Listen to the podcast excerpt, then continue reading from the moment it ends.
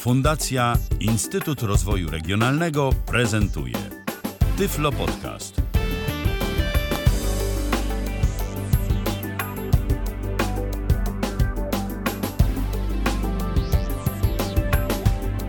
Godzina 19 minęła, 5 minut po godzinie 19 nawet już minęło. W kalendarzu dziś mamy czwartek, to jest 14 dzień listopada 2019 roku. Witam bardzo serdecznie przy mikrofonie Michał Dziwisz, a przy pozostałych mikrofonach moi dzisiejsi goście Katarzyna Ślipek i Piotr Malicki. Witam, Witam was serdecznie. Dzień dobry.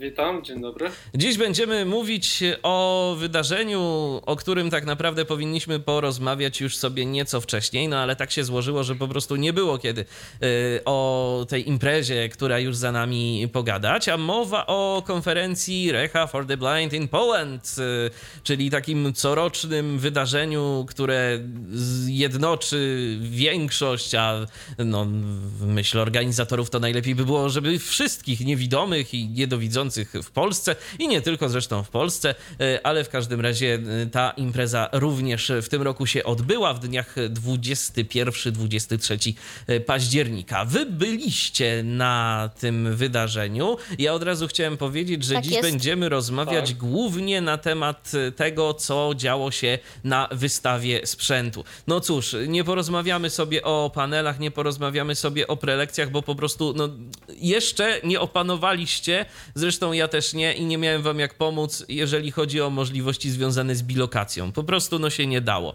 Jak byliście w właśnie. jednym miejscu, no Tak, to nie dało rady, żebyście byli w miejscu drugim, ale jeżeli ktoś z naszych słuchaczek bądź słuchaczy mm, chciałby coś dodać do tego, bo na przykład był na panelach y, y, dyskusyjnych, y, na tych pozostałych wydarzeniach organizowanych przy okazji konferencji Recha for the Blind in Poland y, 2019, to my jesteśmy jak najbardziej otwarci na wszelkiego rodzaju uzupełnienia. 123 834 835 123 834 835 to jest nasz numer telefonu. On już teraz jest do waszej dyspozycji. Sprawdziłem, działa.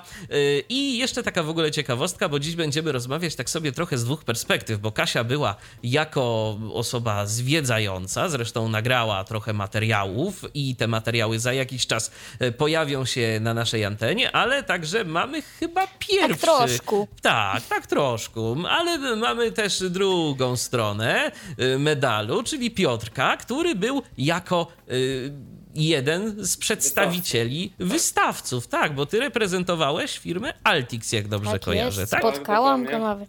Tak. Tak, tak, dokładnie. Więc będziemy sobie mogli też porozmawiać na temat, y, na temat y, tego, jak to jest w ogóle być wystawcą na Resze i jakie Tak, w tak, ogóle, y, z czym się ludzie... Pytania, jakie były. Tak, jakie Tak. były pytania, z czym się ludzie do ciebie zgłaszali, o tym sobie wszystkim powiemy.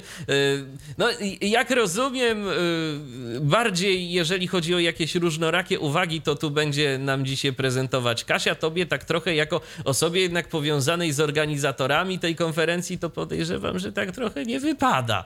Więc No, nawet, tak, wie, tak, więc tak. cię nawet, Dokładnie. więc cię nie będę ciągnął za język, oszczędzę ci tego. Natomiast y, jeżeli... Ja dzisiaj będę No, takim- to, tak, no to Kasia swoje uwagi jak najbardziej przedstawi. Wy również możecie, jeżeli macie na to ochotę, możecie do nas dzwonić. No dobrze, to zacznijmy od organizacji w ogóle tej wystawy. Y, Gdzie to wszystko miało miejsce, Kasiu, i jak, y, jak to wszystko wyglądało? Mm, Na dobry początek może takich kilka uwag tytułem wstępu. To właśnie y, już mm, przysparzało trochę problemów i na to też ludzie, no nie powiem, że się skarżyli, ale no mm, wspominali gdzieś tam o tym na różnych dyskusjach i w różnych rozmowach, ponieważ ym, Reha for the Blind odbywała się w dwóch y, lokalizacjach, które wcale nie są tak blisko siebie, bo y, część była w Centrum Nauki Kopernik, a część na mm, Uniwersytecie Kanała, e, kardynała Stefana Wyszyńskiego. Mm, I, I to naprawdę zastanawialiśmy się wszyscy. Ja nie wiem, bo ja nie przyjeżdżałam z grupami, ja nie, po, nie poruszałam się tymi autobusami, e, które były specjalnie zamawiane właśnie e, dla grup, które zjechały z całej Polski, ale właśnie zastanawiałam się i zastanawialiśmy się ogólnie, jak to będzie z organizacją. No i z tego, co mogłam zauważyć, to rzeczywiście były takie transze ludzi.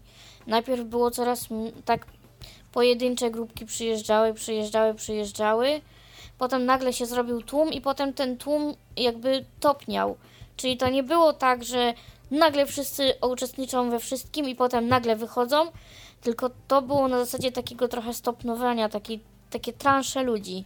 Bo może to chodziło też o to, że się y, uczestnicy deklarowali tak, na czym chcą wziąć udział y, i w czym chcą uczestniczyć, i do tego też było jakoś to wszystko dostosowywane, jeżeli chodzi o transporty.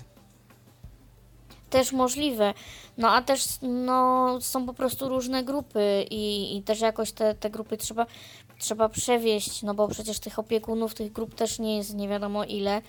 Ja nie wiem nawet jak oni to rozwiązywali, bo przecież Znaczy, powiedzmy, po że prostu jest po pięć kolei- paneli, Po kolei przewożone chyba z tego co wiem te grupy jakoś i, i jakoś tam tak mi się wydaje, tak? no bo jakby Więc- tak każdego tak- mieli tak przywozić na inną na inną y, na inny panel, to, to ja nie wiem jak to Po kolei organizacyjnie po prostu było godzinę przed rozpoczęciem były po kolei każde grupy przewożone, tak żeby każdy mógł spokojnie tam w szatni się rozebrać i tak dalej. No i pójść już na jakieś miejsce oczekiwania. To w Jasne, ten sposób, z tego co wiem, było zrobione. jasne. No i dobrze. Y, I główna wystawa Mhm. właśnie miała, mm, była prezentowana mm, w Centrum Nauki Kopernik, tam w tym centrum takim konferencyjnym. Tak, dokładnie. Mhm. I gdzie to Natomiast konkretnie było? To była jakaś, to bardzo- była jakaś e, sala, czy y, jakieś takie większe To pomieszczenie? był bardziej taki, ja bym powiedziała, że to był bardziej taki hol, korytarz, Tak, coś taki, taki takiego. korytarz, taka sala w kształcie takiego długiego prostokąta, że szło się po prostu środkiem i po lewej, po prawej stronie były stoły wystawców, gdzie można było oglądać różne sprzęty i produkty. Ale jak rozumiem, wszystko No, było w jednym pomieszczeniu, jeżeli chodzi o wystawę. To nie było tak, że było to Tak, rozłożone tak, na tak. kilka, na kilka Tak, pomieszczeń. tak, w jednym, w jednym. Nie, w, w innych jednym. pomieszczeń- w innych pomieszczeniach były świat dotyku i dźwięku, jakieś konferencje, y, spotkania i tego podobne rzeczy, tak? Ale sama wystawa była w jednym pomieszczeniu. Jasne. Tak. A jeżeli chodzi o y, dostępność y, tej wystawy, no zakładam, że jedno pomieszczenie to nie był to jakiś wielki problem, żeby je ogarnąć, chociaż wiadomo, że każde nieznane pomieszczenie no, może być problemem, zwłaszcza jeżeli ono jest duże, a i też ludzi jednak trochę było na tej wystawie. Czy ty nie miałaś y, problemu z odnalezieniem się tam między tymi stoiskami wystawców? E, Nie, nawet jeżeli chodzi o dojście, bo to było na pierwszym piętrze, więc od razu zapytaliśmy się mm, pani tam w recepcji, gdzie to jest. No Ja mam później, ja mam taką taktykę, że po prostu później idę po głosie, jak wiem, że jest jakiś duży tłum ludzi gdzieś, to najprawdopodobniej to jest to, gdzie ja chcę trafić, więc, e, więc taką właśnie taktykę objęłam i, i trafiłam. I się udało. No tak, jasne. no zresztą ja też miałam męża, który był niedowidzący, bo on też chciał zobaczyć, więc było mi trochę łatwiej, ale jak, jak go nie mam na podorędziu, to właśnie korzystam z takiej y, taktyki. Mhm, mhm, jasne. No Tak, dobrze. Dało się, dało się tam odnaleźć w tym, w tym budynku, więc bo ja też dochodziłem sam, więc, więc po pierwszym dniu się nauczyłem. Po jednej i po drugiej stronie i- były stoły po prostu z wystawcami. Mhm. E, bardzo duży stół, taki, no ja nie wiem, ile to miał metrów, miał Altix. To był chyba największy. To było e, kilka stołów. To wystawca. było kilka stołów wręcz. No tak, tak, tylko że to było w sensie taki bardzo długi odcinek te, tego No korytarza tak, i tak, tej tak, bo to sali. było podzielone, podzielone na różne sekcje. Ale ogólnie nie było zbyt dużo wystawców. Nie No było. nie. Ja pamiętam niestety lata, kiedy, y, kiedy naprawdę to się zwiedzało i dnia y, nie, nie, nie starczało. A tutaj jakoś w miarę szybko udało się to ogarnąć. A jak była rozwiązana sytuacja, y, żeby ogarnąć w ogóle, co jest gdzie? Czy mieliście jakąś y, możliwość otrzymania jakiejś rozpiski, czy może gdzieś przy tych stołach było to wszystko jakoś podpisane? Y, Jak się w ogóle orientowaliście, że, wi- że wiadomo, że ktoś jest w danym miejscu? Nie, ja nie widziałam żadnych rozpisek, ja po prostu pytałam. Kto tu jest, e, tak? Koniec języka za stoisko przewodnika. I, i, i dokładnie, i co się na nim znajduje, jaka jest reprezentowana firma albo produkt i w ten Tak, sposób. tak, dokładnie. Jeśli chodzi o w ogóle poruszanie się w budynku, to ja wiem, bo testowałem, była stworzona aplikacja, czy stworzona, no, istniała aplikacja CNK e, i był po prostu dodany, nie wiem, powiedzieć, profil, profil rechy i można było, chodząc po budynku, słyszeć, że na przykład po prawej stronie jest sala świat dotyku i dźwięku. E, aby dojść do windy, na przykład idź prosto, skręć w prawo i po lewej stronie będą windy, więc takie komunikaty były.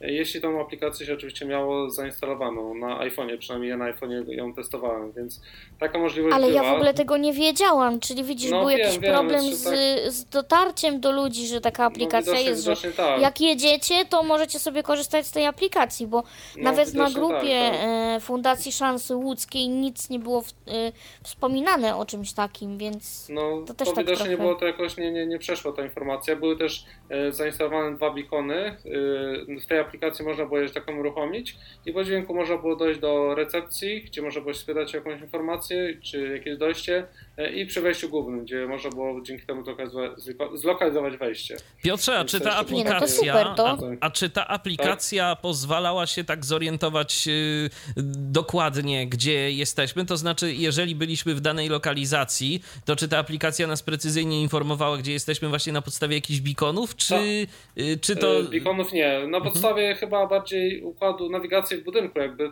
bo te beacony były tylko dwa, jakby tutaj, żeby poinformować, a to było bardziej na. Jak się zaczęło iść po prostu, to ona nas informowała o pewnych punktach, tak, które mijamy w ten sposób, tak. E, Na jakiej podstawie to było, to powiem szczerze nie wiem, ale to raczej nie były beacony, bo jakby te dźwiękowe beacony to tylko były dwa. Nie, ale wiesz, mówię o jakichś może beaconach takich bardziej bluetoothowych, o jakichś małych nadajniczkach, które y, pozwalały na pozycjonowanie się w tym budynku, no bo GPS to raczej tam nie działał. i wykrywanie Nie, No. to jest, nie, to możliwe, to możliwe, że tak, to możliwe, że były po prostu umieszczone beacony przy, przy konkretnych e, punktach, tak, przy wejściach, przy windach i tak dalej, to bardzo, bardzo możliwe, tak, a te dwa po prostu były tylko pewnie dźwiękowe i, e, i na takiej zasadzie to, to działało, tak. Rozumiem. Przy wejściu do sali też były pola uwagi, tak zwane, czyli guzki i prowadnice, mówiąc prosto. I tam też można było właśnie nawet sobie zobaczyć, jak to wygląda wewnątrz budynku. I zaraz przy, jakby w obrębie tych prowadnic i, i tych guzków było stanowisko, takie stoisko właśnie z dostępnością budynków, więc też to było w miarę dobrze rozwiązane, bo można było jakby zobaczyć na podłodze, jak to się rozkłada i jak to wyczuwa się pod butem. No jasne. Także to rzeczywiście y, też y, taka dosyć fajna y, sprawa, że gdzieś tam no jednak ta orientacja nas była ułatwiona. To zdecydowanie myślę, że No takie, tak, tak, takie udogodnienia ułatwiają sprawę. No dobrze, to słuchajcie, to myślę, że powoli można będzie przechodzić do tego, co można było zobaczyć, jeżeli chodzi o tegoroczną rechę, jaki można było zobaczyć sprzęt. To zanim przejdziemy do y, różnych innych y, wystawców, to mm, może najpierw opowiedzmy kilka słów na temat Altixu. Y, Piotrze, to ja najpierw chciałbym ciebie popytać troszkę, jak to mm, z perspektywy wystawcy wyglądało? Co, za co ty byłeś odpowiedzialny? Co prezentowałeś? i W jaki sposób? E, Dobrze, ja tylko wspomnę tylko jeszcze przed, przed tym, jeszcze powiem o spotkaniu, które było e, jako pierwsze spotkanie, jako takie pierwsze zebranie osób e, na konferencji. Było to spotkanie Wschód-Zachód E, i było ono o tyle interesujące, że znajdowały się na nim osoby z kilkunastu krajów, prawie 20 e, z całego praktycznie świata. Były osoby m.in. z Francji, Belgii, czy nawet Arabii Saudyjskiej, była jedna osoba niewidoma oczywiście, mówię o osobach Wow. z funkcją wzroku. Więc to było tyle ciekawe, że, że, że, że takie jest jakby tutaj zainteresowanie i te inne kraje też jakoś tutaj w tym uczestniczą. E, I na tej konferencji każdy ze swojego kraju mówił tam przez 5 minut, jak wygląda po prostu życie osób niepełnosprawnych, osób niewidomych właściwie bardziej e, w jego kraju, więc to tyle było, tyle było ciekawe. E, Też to było tłumaczone na język polski, więc też jakby tutaj można było się tym wspomóc. E, I na koniec została podpisana taka konwencja osób niepełnosprawnych. Już teraz dokładnie nie wiem dokładnie na czym to, na czym to polegało, ale ta konwencja ogólnie miała być wysłana do, do wszystkich y, jakby rządów y, o- osób, znaczy do wszystkich rządów krajów, osób z tych, co były, tak? Czy jak ktoś był z Francji, to, to wtedy będzie do Francji wysłane i tak dalej. I ta konwencja miała jakby mówić tutaj o, już nie pamiętam dokładnie o czym, ale o, o dbaniu jakby o te osoby nie- niewidome, tak? W, w, w, w tych krajach tak, danych, tak? No i oczywiście też została taki, taka, taka konwencja wysłana do Polski, tak? Została ona podpisana po prostu i miała być wysłana do, do kilku krajów, tak? Taka informująca, informująca jakby o tych osobach niewidomych i tutaj dająca jakieś tam pewnie wskazówki. Więc takie coś się odbyło. No i później właśnie już przeszedłem na wystawę, na wystawę y, na stanowisku Altixu. Y, Tak jak mówiłem, już było tutaj kilka stołów y, różnych. Ja odpowiadam za jeden stół. I na moim stole... Ale czy, no, czy ja mogę zapytać? Tak, tak. Czy, czy ty. Mm, mnie to zawsze ciekawi. Jak to było rozwiązane? Przychodzisz sobie do stolika i już masz wszystko rozłożone? Czy jakby ty musiałeś dowieść, dostarczyć ten swój Nie, nie, sprzęt, nie, bo ja ty miałem miałeś telefony? Nie, ja miałem wszystko A, rozłożone. czyli tak, oni ci już tutaj, wszystko e, porozkładali, ty przychodziłeś i, i już tak, miałeś tak, to tak, wszystko tak, rozłożone tak, tak, i. Dokładnie, okej. tak, tak, tak. Wszystko osoby widzące tutaj rozkładali i rozkładały i jak przyszedłem, to już miałem po prostu rozłożone na stoliku i tylko miałem powiedziane, co jest co, że tak, żebym wiedział na, na 100%. No i mogłem już później tak yy, pobawić się chwilę i na Mhm. przykład przy, i zaprezentować, tak, daną osobą. Y, Piotrze, to ja od razu zapytam, to było y, ty, Mhm. ten sprzęt, który prezentowałeś, bo to, bo to jest też takie, myślę, że dość istotne, bo wspomniałeś, że, mia, że miałeś Mhm. okazję pobawić się gdzieś tam chwilę wcześniej. Y, Czy ty ten sprzęt, który prezentowałeś, już jakoś wcześniej miałeś okazję użytkować, czy to było... Tak, w większości Mhm. tak, w większości tak, ale kilka urządzeń, kilku urządzeń nie znam, tak, więc tak no pół na pół mi powiedział. A co było tak, czymś że- takim, co na przykład jakoś cię zaskoczyło dość mocno? Yy, Myślę, że telefony, takie, takie bardziej telefony dla osób, powiedział, starszych albo takich, co nie potrafią ekranu dotykowego obsługiwać, bo ich jeszcze e, jakby nie widziałem. To były telefony Smart Vision Mini, Smart Vision 2, Blind Share Classic, Blind Classic 2 i Maxcom telefon, tak? Aha. W ogóle jeszcze też nawet nie, nie słyszałem, bo tamten się bił. No bo ty rozum, z tego co zauważyłam, tylko tym w sumie dysponowałeś. Raczej na tym stole. Nie, jeszcze nie, jeszcze nie, jeszcze było kilka rzeczy. E, Jeszcze było kilka rzeczy, zaraz powiem. E, No więc ja te telefony, tak? Tych telefonów jakoś tak e, nigdy miałem do czynienia i, i te telefony jakoś tak się chwilę bawiłem, tak jak to działa. E, Więc na takiej zasadzie. E, No i poza tym miałem urządzenia, które już miałem z którymi styczność. To były odtwarzacze książek Blackstalk e, Linio Pocket i, i Milestone najnowszy 312AC. E, Więc to te urządzenia już widziałem, więc też to prezentowałem. E, Prezentowałem też testery kolorów e, Colorino, dawny tester koloru Kareteka e, i Color Test, najnowszy tester kolorów Kareteka, tak, więc, e, więc też te, te testery kolorów prezentowałem, no, które są chyba myślę, że najlepsze na rynku, bo, bo najlepiej te kolory jednak rozpoznają, tak, bo te inne tańsze to jednak te kolory się mylą, a tutaj przykładamy ten skaner jakby bezpośrednio do ciała, do, znaczy do ciała, do materiału e, i on przy własnym oświetleniu kolor jakby najbliżej tutaj określa, tak, i no rzadko się myli z tego, co patrzyłem, tak, z tego, co, co też jeszcze sprawdzałem. No tak, ja więc- też, Ja widziałam ja jeden też z tych słyszałem testów takie, takie kolorów. Opinie, że zde- zdecydowanie te testy, testery kolorów sprzętowe y, są bardziej skuteczne od y, Tak, testerów tak, za pomocą aplikacji, Aplikacji mobilnych. Tak, tak, tak. Tak, dokładnie, dokładnie, tak, tak, dokładnie. Ja tak. widziałam jeden z tych testerów, nie wiem który, to najwyżej mi Piotr podasz nazwę.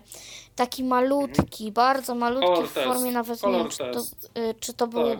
W formie bryloczka, czy na smycz, ale to było naprawdę taki bardzo pilocik małe, to można było tak. sobie włożyć do kieszeni, nie wiem, w podróży i później sobie dopasowywać jakieś tam spodnie, bluzki i tak dalej i wydaje mi się, że to dokładnie. naprawdę było nie było, nie miało mnóstwa przycisków, nie było jakieś takie, było raczej bardzo intuicyjne. Tak, on miał trzy Naprawdę wydawało mi się to takie Mówiło, tak. jaki jest y, kolor, jaka jest intensywność tego koloru, więc y, tester, ten y, czujnik światła też miała, miał ten kolor test. W porównaniu do tych takich też, topornych kiedyś tego kareteka, co były no takie dosyć duże i kanciaste i takie no, No, nie, niezbyt no, może jest- wizualnie ładnie wyglądające, no to to powiem, że tak no wygląda.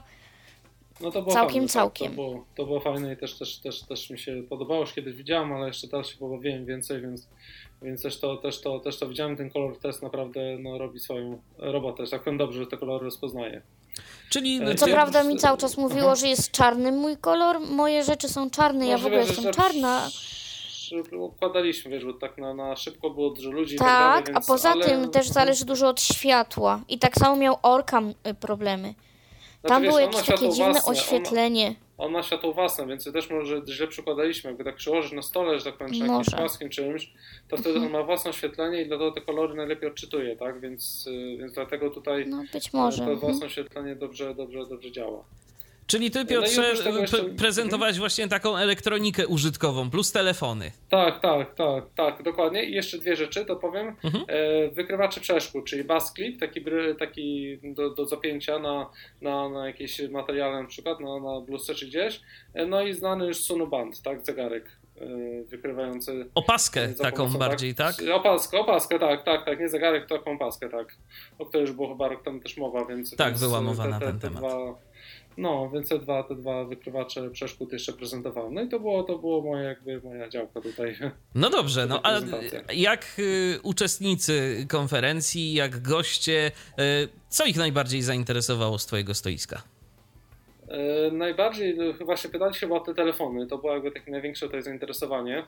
E, i często też pytały się osoby właśnie, e, które chciałyby obsługiwać telefon za pomocą i ekranu dotykowego i klawiatury i żeby by, była możliwość takiego dobrego przeglądania internetu i pobierania aplikacji tak, ze sklepu Play, tak, no bo te telefony większość były na systemie Android, więc tutaj o to chodziło. No i tutaj, tutaj jakby zdecydowanie wygrywał Smart Vision 2, który podobno też osoby niewidome chwalą, tak słyszałem, tak, e, którego posiadają. E, No i dlatego ten telefon też polecałem, tak, ten telefon też polecałem. E, Opowiadałem też trochę, wiadomo, o iPhone'ach, tak, o Androidach, tak ogólnie, no bo osoby często nie wiedziały, tak, jak to działa, jak to, jakie te gesty są i tak dalej. E, Więc tutaj największe zainteresowanie było wśród tych e, telefonów właśnie, tak. Czyli ludzie się jednak na- cały czas boją tych ekranów dotykowych. Tak, tak, jednak tak, jednak tak. Dużo osób, dużo osób jednak te klawiszowe chce, chce mieć te klawisze w razie czego, tak? A Mhm. ten ekran dotykowy chce przyswajać, więc na takiej, na takiej zasadzie, tak? No Na tak. takiej zasadzie to działa. Więc tutaj głównie, głównie Ciekawe to, tylko, tak? czy będą sobie przyswajać ten ekran dotykowy, skoro będą mieli klawisze. No, zobaczymy, no nie wiadomo, tak? Ten Smart Vision 2 no, jakby tam ma klawisze ekran dotykowy, więc tutaj y, i ma te wszystkie funkcje, tak? y, Co ma, co ma telefon z Androidem, więc tutaj no zobaczymy, no ale tutaj jakby tu, tu, tu, tu o to było najczęściej pytanie, o te telefony właśnie. Ja powiem szczerze, trochę się obawiam tych konstrukcji takich zamkniętych, które jednak, yy, no fakt faktem bazują na otwartym systemie, ale yy, jakim jest Android, ale mm, to jest otwarty system bardziej dla programistów, tak, którzy mogą tam sobie coś yy, obudować, tak jak chociażby w przypadku Blind Shella, ten telefon jest na Androidzie, natomiast no Tak, tak. już później on ma taki bardziej swój zamknięty ekosystem, tak, w którym się pracuje i aplikacji zewnętrznych, y, przynajmniej na tę wersję Blind Shella, y, którą y, prezentowaliśmy y, w Tyflo Podcaście, no nie bardzo można cokolwiek więcej załadować.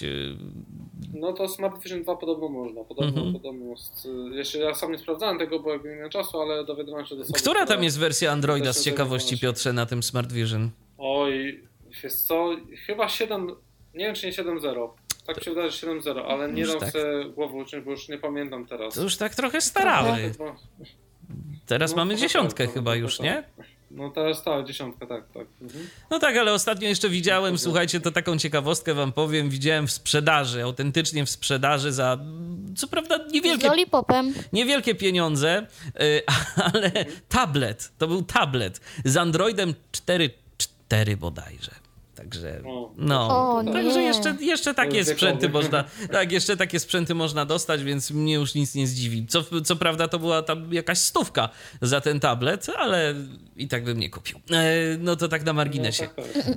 To co jeszcze ciekawego, już tak poza twoim stoiskiem, co jeszcze można było na mm, stanowisku Altixu znaleźć na pozostałych stołach? Aha. E, To tak, e, obok mnie były maszyny brajlowskie Tatra Point i Perkins, więc już też takie raczej e, sprzęty Znane. rzadziej używa, tak? Znane, tak, znane, oczywiście znane jak najbardziej. Była fajna rzecz, tablet Insine, Insine One. To był taki tablet dotykowy, który miał brajlowską linijkę i udźwiękowienie w postaci JAWSa i Windows 10 zainstalowany. E, I on, e, jego się obsługiwało za pomocą dotykowej taki wyżłobień e, w takim Tak, szkle, ja widziałam z, którego było, z którego był zrobiony, tak, tutaj Kasia też pokazywałam. E, Zrobione były punkty brajlowskie, tak jak na notatnikach 1, 2, 3, 4, 5, 6 i spacja. I dodatkowo miał takie, że tak powiem, trzy łuzy, takie trzy paski, na których wykonywało się gesty konkretne, żeby ten tablet obsłużyć. Więc to, to, było, to było takie ciekawe urządzenie. No, cena jego jest dosyć duża, bo 26 tysięcy koło kosztuje, więc O, tutaj cena jest duża. No, więc Czy na tym Więc, tablecie, ale czy na tym tablecie, Aha. słuchajcie, można się było jakoś rozpędzić w miarę, jeżeli chodzi o pisanie? Bo to mnie zawsze zastanawia w przypadku takich rozwiązań, bo to jednak... powiem szczerze, ja nie tego tak dotarłam do, do tego, Ja bo w też, ogóle ja on też, bo- średnio działał. Ja też jakoś do tego nie dotarłem, bo, no bo nie było to moje stanowisko, tak? Więc ja tutaj Aha. musiałem się trochę A a co- Nie, w ogóle tak, ale- jakoś... A co było z tym Taki tabletem nie był. tak? Tak z ciekawości. Wiesz co, tam był jakiś, jakiś napis mm, initialization I to tak się inicjalizowało i inicjalizowało i ja sobie próbowałam działał, tymi wiesz, później, scrollami, później wiedziałem, że on działał, y, więc on jakoś może się tak włączał długo. Więc to... scrollami jakoś sobie to przeskakiwać, ale jakaś cisza była, więc Wiesz, no jeżeli tak to był- śmiesznie. No. Jeżeli to Natomiast ja był też Windows, to uwagę- jeżeli to był Windows, to może i faktycznie chwilę trzeba było mu dać na uruchomienie się. Tak, tak, tak, bo później on tam już wyświetla tam element jeden z iluś. Więc tutaj, tutaj jakby on, Aha. on później działał, ale, Ale no tak, ja naprawdę tak sporo stałam przy tym. No to nie wiem, to może, Może jakiś update się robił w się zawiesić. międzyczasie. Może się Dobrze. albo coś. Ale ten tablet W ma każdej- fajną w każdym- Jeszcze ja jeszcze mogę o tym tablecie? rzecz. E, Tak, opowiem jedno słowo, że on ma ekran też. Widać ekran, więc też osoby widzące mogą patrzeć, co my robimy, tak? W tym momencie, więc na tych wyżłobieniach, na tym ekranie jest też widoczny ekran normalnie. On ma chyba 10 cali około. No i już teraz. Nie, no bo to jest tak, że to jest po prostu ekran, tylko ten ekran ma w szkle zrobione takie wgłębienia. To No tak. nawet nie są wyżłobienia, tylko takie wgłębienia na palce. No, tak, tak. Tak jakbyśmy mm, wzięli e, klawia- jakąś tam część klawiatury z jakiejś linijki i odcisnęli ją poniekąd na, na, na tym ekranie szklanym i zrobi się takie wgłębienie. No mniej więcej Mhm. to ładnie wygląda. Powiem, że to jest ładnie zrobione, to jest takie obłe, naprawdę ładnie to No, jest. dotykowo Ale tak, ja ładnie. muszę. Tak, ale ja muszę powiedzieć, że po pierwsze, ten tablet, ja nie wiem dlaczego, ale on jest strasznie gruby. To jest grubości dwóch tabletów takich n- No normalnych. bo wiesz, bo tam ma całe oprogramowanie pewnie, znaczy elektronikę. No ale każdy tak, tablet ma swoje oprogramowanie i każdy No tak, tablet ma jakiś ma swój mowę i system. ten, znaczy ma bra- linijkę brailleowską, to też może dlatego, nie? Trochę. No właśnie, ja mam ale takie, ja mam takie wrażenie, że to jest... tylko z jednej strony. Ale wiesz, tam może być tak, jakaś tak, tak. elektronika ewentualnie do tej linijki brajlowskiej, Tak, tak, żeby tak, to, no, żeby to się, żeby to wszystko ze sobą pasowało. No, No, może, może i w ten tak. sposób. Albo po prostu Tak, tak, tak, ktoś tak. nie miał innego pomysłu, jak to upakować wszystko i stwierdził, że I tak będzie dopasował ok. grubość Dopasował do grubość. to- dokładnie, tabletu. dokładnie. To całkiem jest możliwe, że to tak właśnie było. No Tak, bo z tak, drugiej tak. strony, wiesz, gdyby to było z jednej strony spłaszczone, z drugiej strony y, bardziej pogrubione, to też mogłoby być y, może niekoniecznie ergonomiczne w korzystaniu, tak Nietrwałe sobie na myślę. uszkodzenia Tak, też. tak, Też, tak, też. Też. Okej. y, No, w każdym razie, no ten tablet tak całkiem tylko, no niestety nie dało. nie Gdyby było działał. No i cena. byłoby lepiej. No tak. Powala ta cena. No cena tak, cena niestety jest duża, no jak to... Jak to na takich produktach, no niestety tyle, tyle tutaj sobie życzą producenci. Mnie też zainteresowały szachy, Piotrze. No mnie też, mnie też, mnie też bardzo zainteresowały te szachy właśnie, właśnie też nimi się zainteresowałem.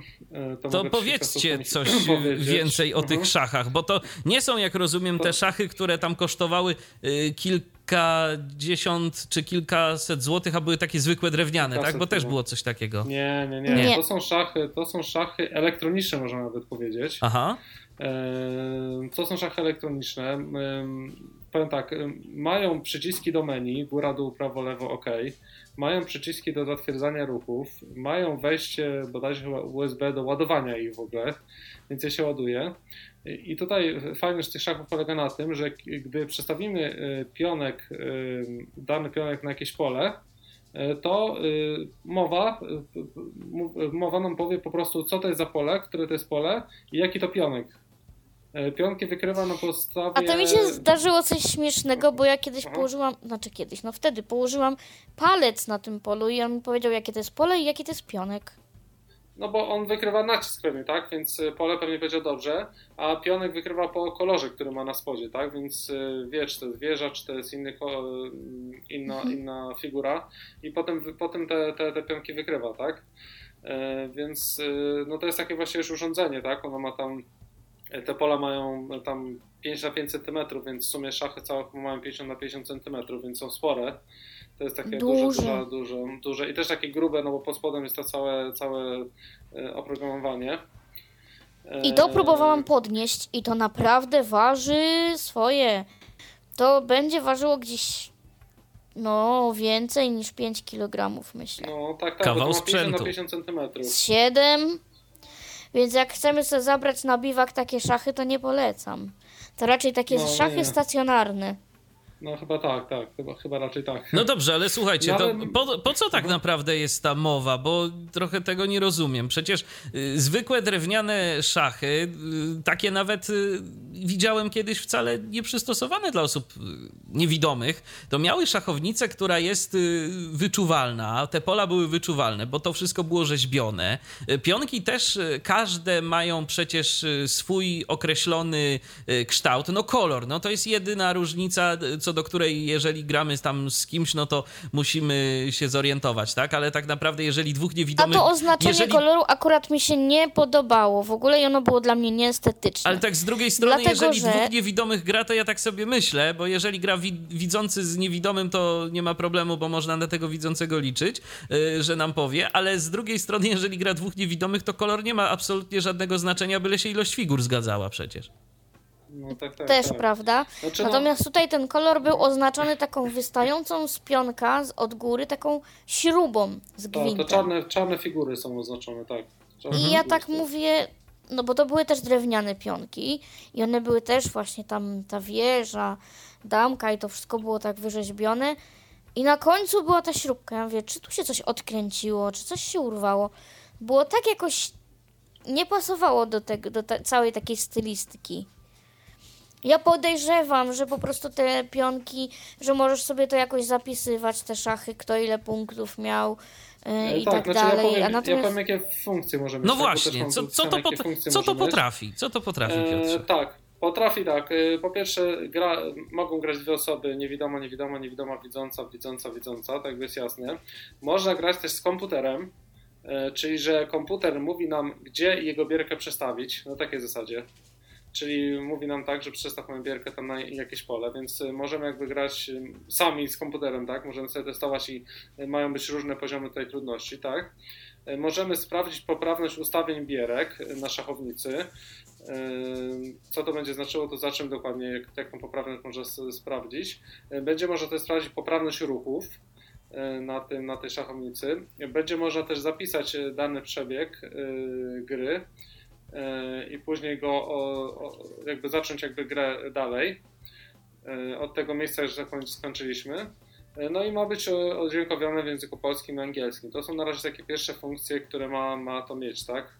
E, Czy się będzie rozwijało co będzie miało dalej, to, to, to zobaczymy. Tak? Przekonuje Ale tutaj mnie takie to, funkcje ma- przekonuje mnie to, że rzeczywiście jest tu jakaś jednak y, inteligencja sztuczna, że możemy, tak, że możemy z tym komputerem sobie pograć, no bo totalnie nie trafia do No, mnie tak, to, tak. żeby dla dwóch osób y, coś takiego byłoby w jakikolwiek sposób przydatne. Y, Natomiast y, rzeczywiście to, że możemy sobie grać z komputerem, jeżeli na przykład nie mamy z kim pograć w szachy, a chcemy sobie poćwiczyć dokładnie, albo po prostu dokładnie. się rozerwać, to jak najbardziej to do mnie trafia. A czy trafi cena? Ile takie szachy kosztują? Nie wiadomo, bo to, to był prototyp, to był prototyp jeszcze, nie wiadomo tego. No, myślę, że około 2000 pewnie.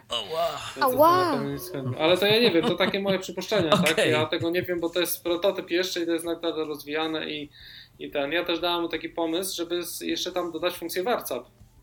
No To tak. takie szachy z warcapami, gra z komputerem, to myślę nie byłoby trudne, więc tam też to zgłosiłem, też to jakby powiedzieli, że to fajny pomysł, zobaczymy, czy to wdrożą. Fajnie, fajnie by było, bo, bo ja na przykład wolę warcaby grać, tak, więc to by było fajne, tak?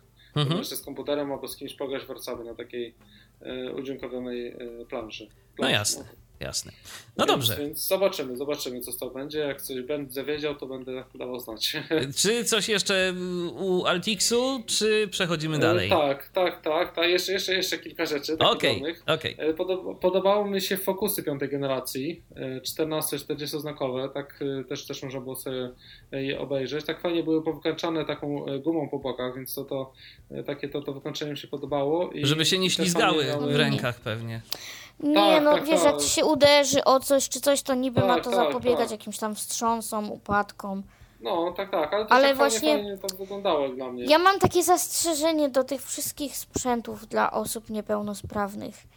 Dlaczego to wszystko musi być takie rympołowate, takie strasznie mm, kanciaste i takie w ogóle wizualnie nieładne? Przecież teraz się bardzo kładzie nacisk na design, na styl i tak dalej. Czy naprawdę jest tak, że co wepchniesz niewidomemu do ręki, to on weźmie i musi z tego korzystać, bo nie ma innego wyjścia? Znaczy No, wiesz co, myśl, Nie rozumiem mi się tego. Myślę, że, no, myślę, że to też nie jest do końca tak, bo niektórzy, e, jak chociażby HIMS, e, w tych, tych nowych e, Braille Sensach, to poszli trochę właśnie w design. Tak. Ponoć to całkiem Podobno ładnie wygląda. tak. Więc no, to też nie mówmy, że wszyscy, ale rzeczywiście wiem o co ci chodzi. Ale nie, bo mi chodzi o to, że jest właśnie ja widzę- taka. tak, jest, oczywiście. I to było od zawsze. Y, Ale pamiętajmy też o jednej rzeczy. I y, tu trochę się w adwokata diabła pobawię. Y, Te urządzenia i tak kosztują swoje. Chcemy dopłacać jeszcze za kogoś, kto będzie robił design? Jemu też trzeba zapłacić. No tak, tak, tak. No dokładnie, dokładnie. Znaczy mi się te fokusy podobało osobiście, właśnie to, to takie wykończenie mi się podobało tych fokusów, więc tutaj ja do fokusów nic nie miałem żadnych Mhm. zastrzeżeń. Właśnie ta, te, te, te boki mi się tak spodobały, tak, że tak fajnie wykończone, tak, i względem bezpieczeństwa, ale względem w ogóle tego ubrania w rękę, tak. E, I w ogóle tak, no najlepiej z fokusów jak dla mnie wyglądały, tak, z tych różnych wersji, bo widziałem też poprzednie. Więc... A jeżeli chodzi o możliwości,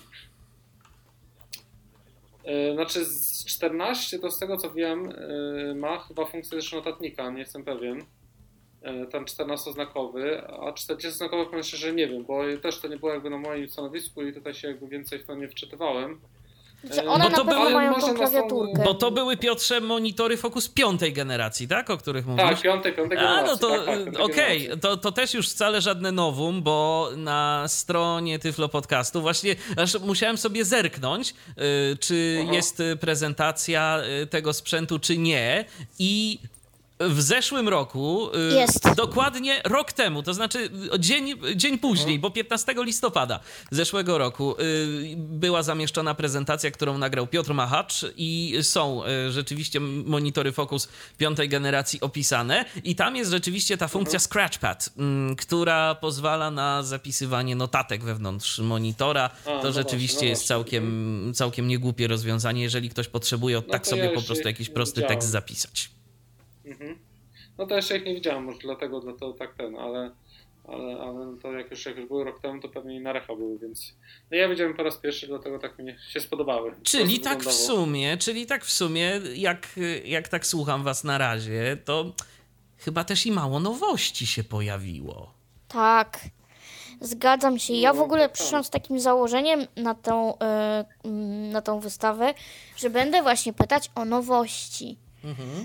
Ale jak tak popatrzyłam, to w sumie ja zawsze pytałam właśnie, jak robiłam wywiady, to na, w każdym prawie moim wywiadzie jest co nowego Państwo przywieźli na wystawę. No, było ciężko. I okazywało Może się, że niewiele. Mhm. usprawnienia programowe i tak dalej, ale niewiele, niewiele jest nowości, naprawdę. No tak, tak. Mm, nie wiem, czy to było nowe, ale to chyba też miał Altix. I Mhm. takie urząd... Tak, nowe, to na pewno było nowe. Urządzenie do nauki Braille'a, ale ono było elektroniczne. No i to była śmieszna taka też w formie trochę zabawki, bo mm, to było urządzenie, e, które mm, wyglądało trochę jak linijka brailleowska, tylko właśnie jak zabawkowa. Dlatego, że ono miało plastikowe, grubsze takie punkty e, Braille'a, które wyskakiwały też takiego plastiku. To wszystko było takie dosyć plastikowe. Udźwiękowione to było, na razie w języku angielskim.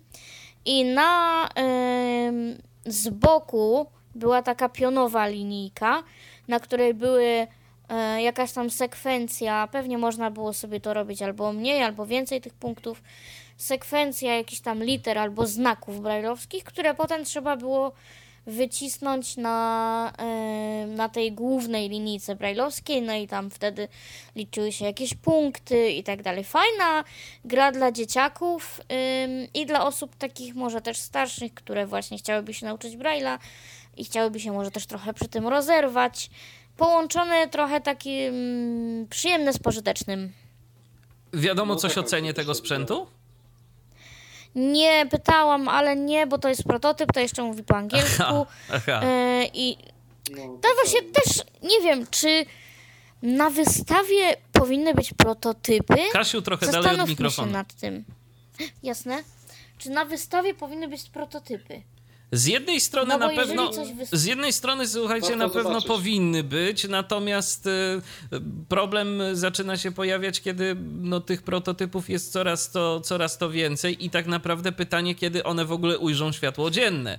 Bo y, okej, prototyp y, to ja rozumiem, że na przykład można pokazać i on jest jeszcze przez chwilę tam gdzieś wygrzewany w laboratorium testowym, jest sprawdzany, testowany i tak dalej, i tak dalej, ale już po swojej premierze, to tam po kilku tygodniach y, staje się y, urządzeniem, które już jest dostępne w sprzedaży. To, no to taki prototyp No to, właśnie. to rozumiem.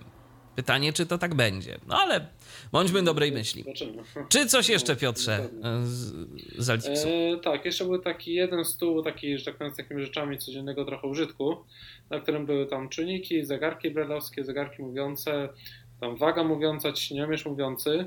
E, Był też e, taki fajny termometr Mesmet, który mm, mierzył temperaturę ciała, e, otoczenia i płynów. Ten termometr też mi się spodobał, spodobał. On tam 119 zł kosztował więc, i kosztuje, więc nie jest, nie jest nawet drogi. No to fakt. A tą temperaturę podobno dobrze mierzy, bo nawet było tak sprawdzane, że, że na jednej osobie była temperatura zmierzona, e, tam miała 36,5 i później kilkanaście innych osób było temperatury miało mierzonych, bo oczywiście każdy chciał sprawdzić i znowu na tej samej osobie była temperatura zmierzona i miała tyle samo stopni, ile poprzednio, tak? Czyli 36,5. Czyli więc- się nie rozkalibrowywał E, ten termometr. Nie tak, tak, nie rozkalibrowywał się i, i jakby poprawnie pokazywał tą temperaturę, więc e, to jest myślę fajna rzecz i też podobno jest chwalona i dobrze tą temperaturę e, odczytuje. To jest taki termometr bezdotykowy, że na mm, przy czole trzeba od 1 do 3 cm trzymać go i wtedy on tę temperaturę mierzy tym czujnikiem. A nie Mhm. można dotykać, Ale dlatego, to to jest nowe? No to jest nowe, tak, bo tego nie widziałem e, wcześniej ani na stronie, ani, ani nigdzie i wiem, że się bardzo dobrze sprzedawał, więc to tak, to, to, to na pewno to wiem, że, że dużo osób go kupowało, więc yy, że był chwalony, tak? To jest w ogóle tak? prawda, że jeżeli chodzi o termometry, to nawet dla widzących jest trudno znaleźć dobry termometr. No, tak, tak, Ile ja przebrnęłam termometrów y, elektronicznych na podczerwień, to po prostu i ja z żadnego termometru nie jestem zadowolona. I żaden termometr nie jest w stanie dobrze i porządnie zmierzyć temperatury ciała przynajmniej. Mamy obecnie dwa i, i żaden z tych dwóch nie jest na tyle dobry, żeby mu zaufała. No cóż, no, No tak, tak. czyli co? Czyli najlepsze stare sposoby już zdecydowanie odradzane ze względów bezpieczeństwa termometry rtęciowe, tak?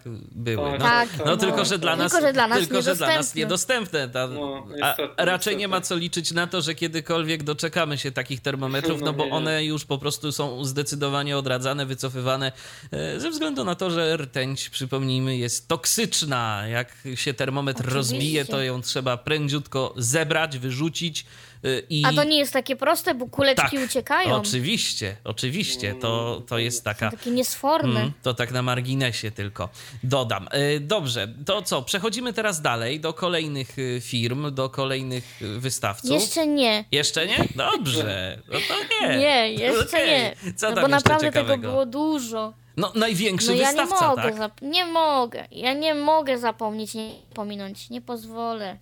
Smartwatche. A. Były i ich nie było. To była bardzo śmieszna zagadka, ponieważ no właśnie mi powiedziano, że no smartwatche są i tak dalej, no więc ja oczywiście z jęzorem wywieszonym, no jak to, gdzie to i w ogóle. No po czym się okazało, że nie, no na razie to my mamy tylko smartwatche Garetach, czyli firmy gdańskiej, która, be, która współpracuje ściśle z Altixem, ale na razie to są smartwatche dla osób, dla dzieci, były takie jakieś takie dziecięce, plastikowe, em, kolorowe smartwatche i dla seniorów. I żaden z tych smartwatchy nie mówi. Poinformowano mnie, przyjdź pani jutro, jutro będą. Więc przyszłam na drugi dzień i się okazało, że nie ma. Rozmawiałam z panem, który y, jakby zajmuje się tym projektem, z panem Michałem, którego pozdrawiam i trzymam za niego kciuki za jego projekt, że one właśnie też są udźwiękawiane. I to ma być. Ja nie widziałam Gareta za Androidem, ale też się tak nie wgłębiałam, bo jak już mam swojego Michael Corsa, y, to mam, ale mm, to mają być właśnie z Androidem Wear. I e, Altix ma do tego podobno dorabiać swoje udźwiękowienie. Nie wiem na ile to ma być e, jakieś tam stabilne i tak dalej, bo jeszcze tego nie ma. Trwają jakby, mm, jest, trwa proces tego udźwiękawiania i jakieś tam właśnie testy. No, Także ich nie widziałam. ma Trwać, więc zobaczymy. Z drugiej strony, skoro tam ma być Android Wear, to przecież y, po co własne udźwiękowienie, skoro tam może pracować po prostu TalkBack? Wiesz, ja myślę, że tak chodzi o to, że ten talkback nie jest taki super ekstra hiperstabilny, a jednak z Altixu ludzie oczekują, jak już kupują coś z Altixu, to ludzie oczekują, że, Że będzie to działać po że prostu. to będzie trochę Mhm. zgettoizowane trochę, że to ma być takie trochę bardziej dostępniejsze niż, No, niż tak, dostępne. tak. No tak, i żeby dało się to łatwo włączyć, łatwo y, skonfigurować, tak? No coś w tym, dokładnie, coś w tym Przy jest. czym utraca się właśnie takie, wiesz, grzebanie przy tym szperanie, e, spersonalizowanie tego, no bo to jest trochę tak jak iPhone, który narzuca ci poniekąd jakieś tam preferencje i ustawienia. No Wkraczamy i albo, na grząski grunt. Przepraszam, Dokładnie. No. to ja się wycofuję. Już Okej. mnie nie ma, już mnie nie ma, uciekam. Nie, nie, no. No, Ko- jeszcze dodam, że te. Aha. Mhm. Jeszcze dodam, że te zegarki, według tego co mówili, mają, mają być w cenach od 700 do 1500 zł, więc ma być. To tak no, nieźle dużo nawet jak na y, smartwatcha. No, nieźle, nieźle. Y, Chociaż ostatnio No. Tak, widziałem na jednej z grup y, androidowych na Facebooku, że ktoś pytał o zegarek, o smart zegarek, no i oczekiwanie było takie, że tak do stówki. No to trochę ktoś miał wygórowane oczekiwania, jeżeli chodzi o cenę. No, być może jakieś takie nieudźwiękowione te smartwatche za tyle można dostać. Ja się szczerze mówiąc nie orientuję na tym rynku Aha, kompletnie, ale no. Ale do ilu? Bo- bo do stówki. Do stówki. O nie! To oczywiście jakieś tam Xiaomi, nie Xiaomi, ale to na pewno nie na Android Wear. No, no to, no to, to sami widzicie. No, nie ma za bardzo na to opcji, ale ludzie mają takie oczekiwania i może kiedyś rzeczywiście taka e, tania ta elektronika będzie, ale tu mnie dość pozytywnie zaskakuje cena tych zegarków. Jeżeli to ma być od e, 700 do 1500, no to, to, to jeszcze nie jest tak źle. E, Zwłaszcza, Tak, że zwłaszcza, dobrze, że od tak, zwłaszcza, że od rzeczy androidowych jednak się oczekuje tego, żeby były tańsze. No i będą, nawet, nawet dostosowywane specjalnie dla potrzeb osób niewidomych. Mm, No to, prze, to przejdźmy dalej. Czy coś jeszcze? Ja jeszcze tylko dodam, że z takich rozrywkowych gier to było kółko i krzyżyk, kości brajlowskie, e, karty brajlowskie i karty powiększone, tak? Jeszcze były też do. Tak, ale to, to jest No co to tak roku w standardowe. sumie, No nie? to kółko i krzyżyk tylko nowy, tak? A tak to, tak to, to co było co roku. Tylko. Z tego co widziałem, to powiadam. No i to właściwie tyle. Okej. Altixu. To możemy przechodzić No dalej, jeszcze czy jeszcze coś ci przyjaciele się... Altixu, Czyli? tacy wielcy. E, właśnie taka teraz większa grupa Vispero. W skład w niej cho- wchodzi Optelek, Freedom Scientific i no i właśnie kilka takich em, grup, które właśnie były znane w Altixie. Mm, I oni mieli takie całe swoje duże stanowisko. E, ja nie widziałam tam. Właśnie to było takie dziwne, bo to Vispero bardziej jako połączone, no to więcej miało tych ulotek i więcej opowiadali. Dlaczego oni są Vispero, jak to, kto, w- co, w, jakie firmy w skład tego Vispero wchodzą. Bo to teraz jest, ale myślę, oni nie że... pojawili się. Wiesz co, bo myślę, że rzeczywiście to tak trzeba trochę ludzi do tego przyzwyczaić, bo ja cały czas Tak. łapię się na tym, że jak mówię y, Joss, to myślę Freedom, tak? A właściwie to mi się jeszcze kojarzy z Tak. Ender Joyce'em. Y, pytanie, ile osób pamięta y, kogoś takiego w ogóle jak Ted Hunter. Y,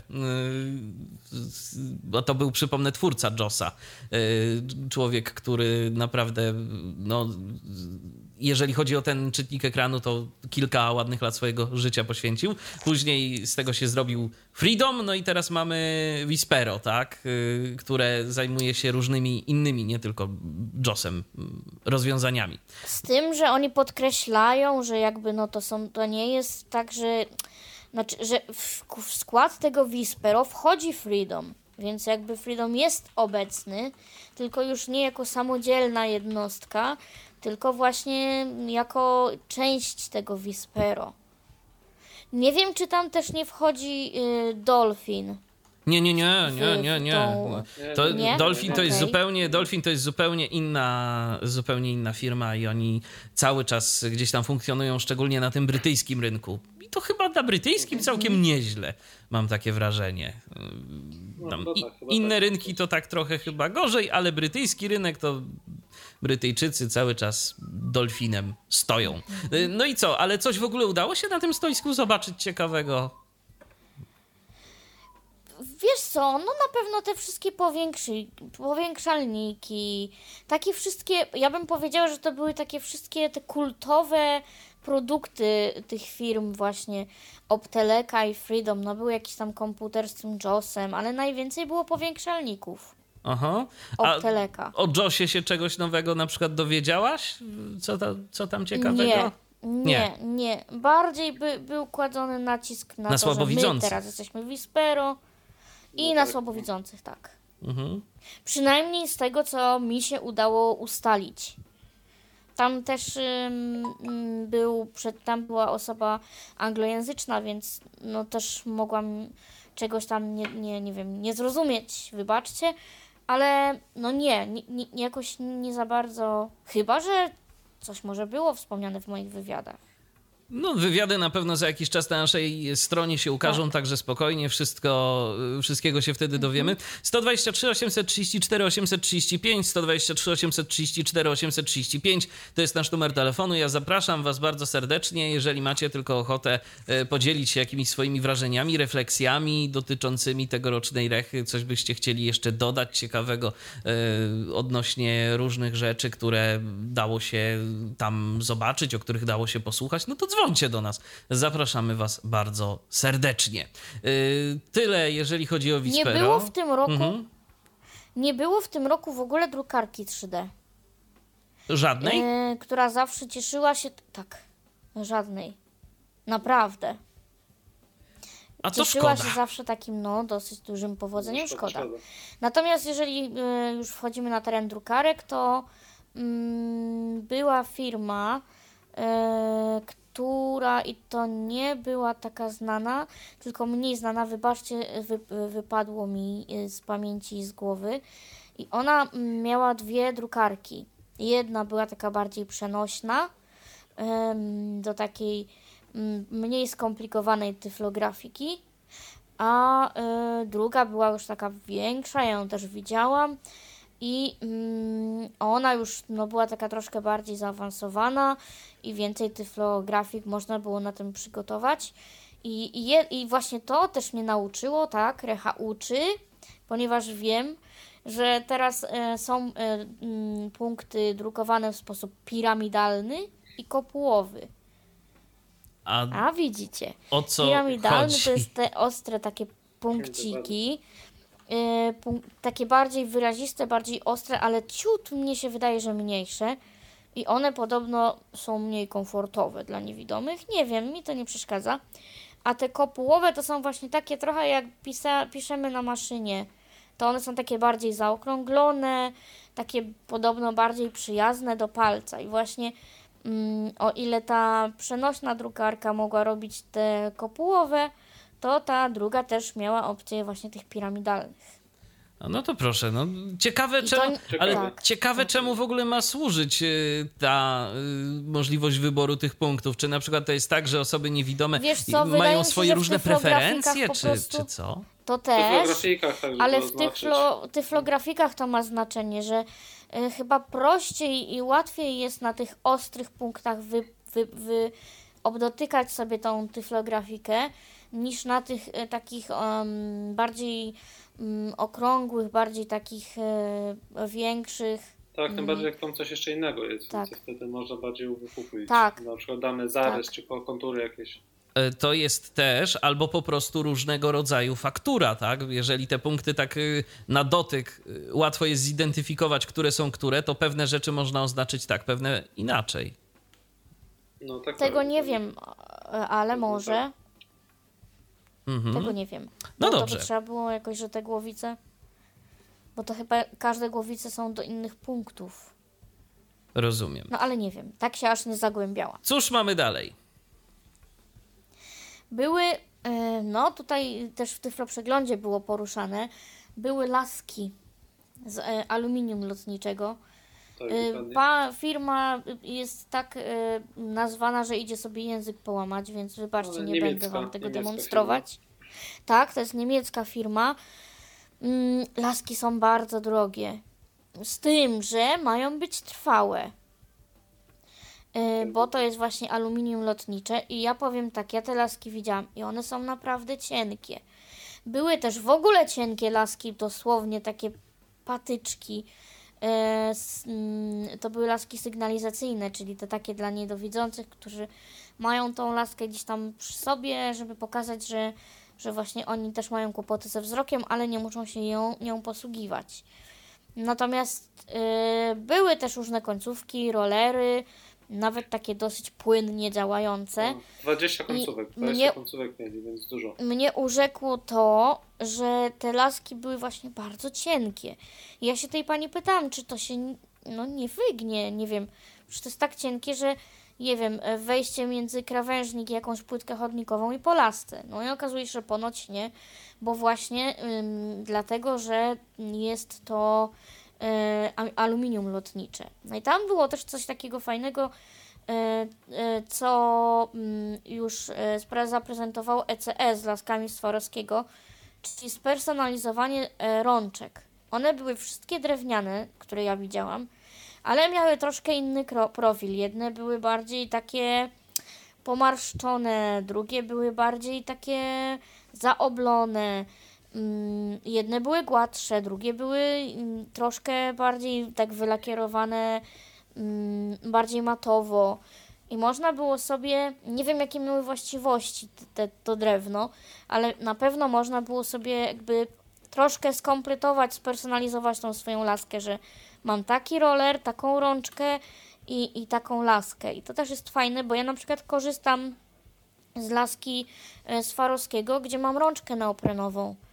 I ona się naprawdę dobrze sprawdza. I to jest właśnie fajne, że możesz sobie spersonalizować e, tego, tą, tą swoją e, laskę, że, że, że nie musisz już tak, nie wiem. Mnie na przykład strasznie nie pasuje ta guma.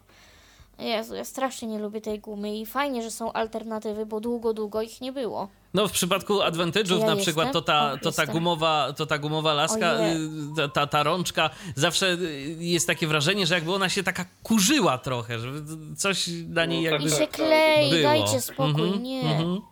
No, No, dokładnie. I tak natomiast samo jest z to moje pytanie Jeszcze jest... dodam- Aha, słucham Piotrze? Jeszcze dodam o tych laskach tylko, że one były składane, te, te właśnie tej firmy niemieckiej i miały jeszcze taką jedną funkcję, że tą rączkę można było wysunąć do góry. E, Służyć to chyba miało do tego, że po prostu jakbyśmy chcieli ją na przykład na chwilę wydłużyć z tego, co, z tego co kojarzę, ale rączkę normalnie się dało tak jakby wykręcić do góry i z nią tam znowu z nią, ją przykręcić, żeby się nie ruszała i żeby ta laska była te tam kilkanaście centymetrów dłuższa, tak, więc e, taką jeszcze miała dodatkową funkcję. E, No i A to się tak, przydaje? firmy- no nie wiem, czy się przydaje. Bo ja mam nie- nie teleskopową laskę i korzystam z tego. No, no, Jak no, jestem no, gdzieś w właśnie, tłumie, to sobie to właśnie. skracam, a jak jestem właśnie gdzieś, gdzie potrzebuję, nie wiem, wyczuć sobie dobrze schody czy coś, to sobie No, wydłużam. dokładnie. Więc ta, ta laska miała taką, taką funkcję, była normalnie tradycyjnie składana, a miała właśnie taką rączkę teleskopową. No i ceny nie podaliśmy, to 200 euro, tak, kosztuje. według- Czyli około 800 zł. Tak, około, ja celowo na tak. deser, Piotrze. To ja jeszcze zapytam, a jak z rozmiarami tych lasek? Y, Czy sobie można było tam wybrać jakiś konkretny długość tej, y, długość tej laski, ilość części, na ile ma być składana, czy to już po prostu był jeden typ i nic więcej?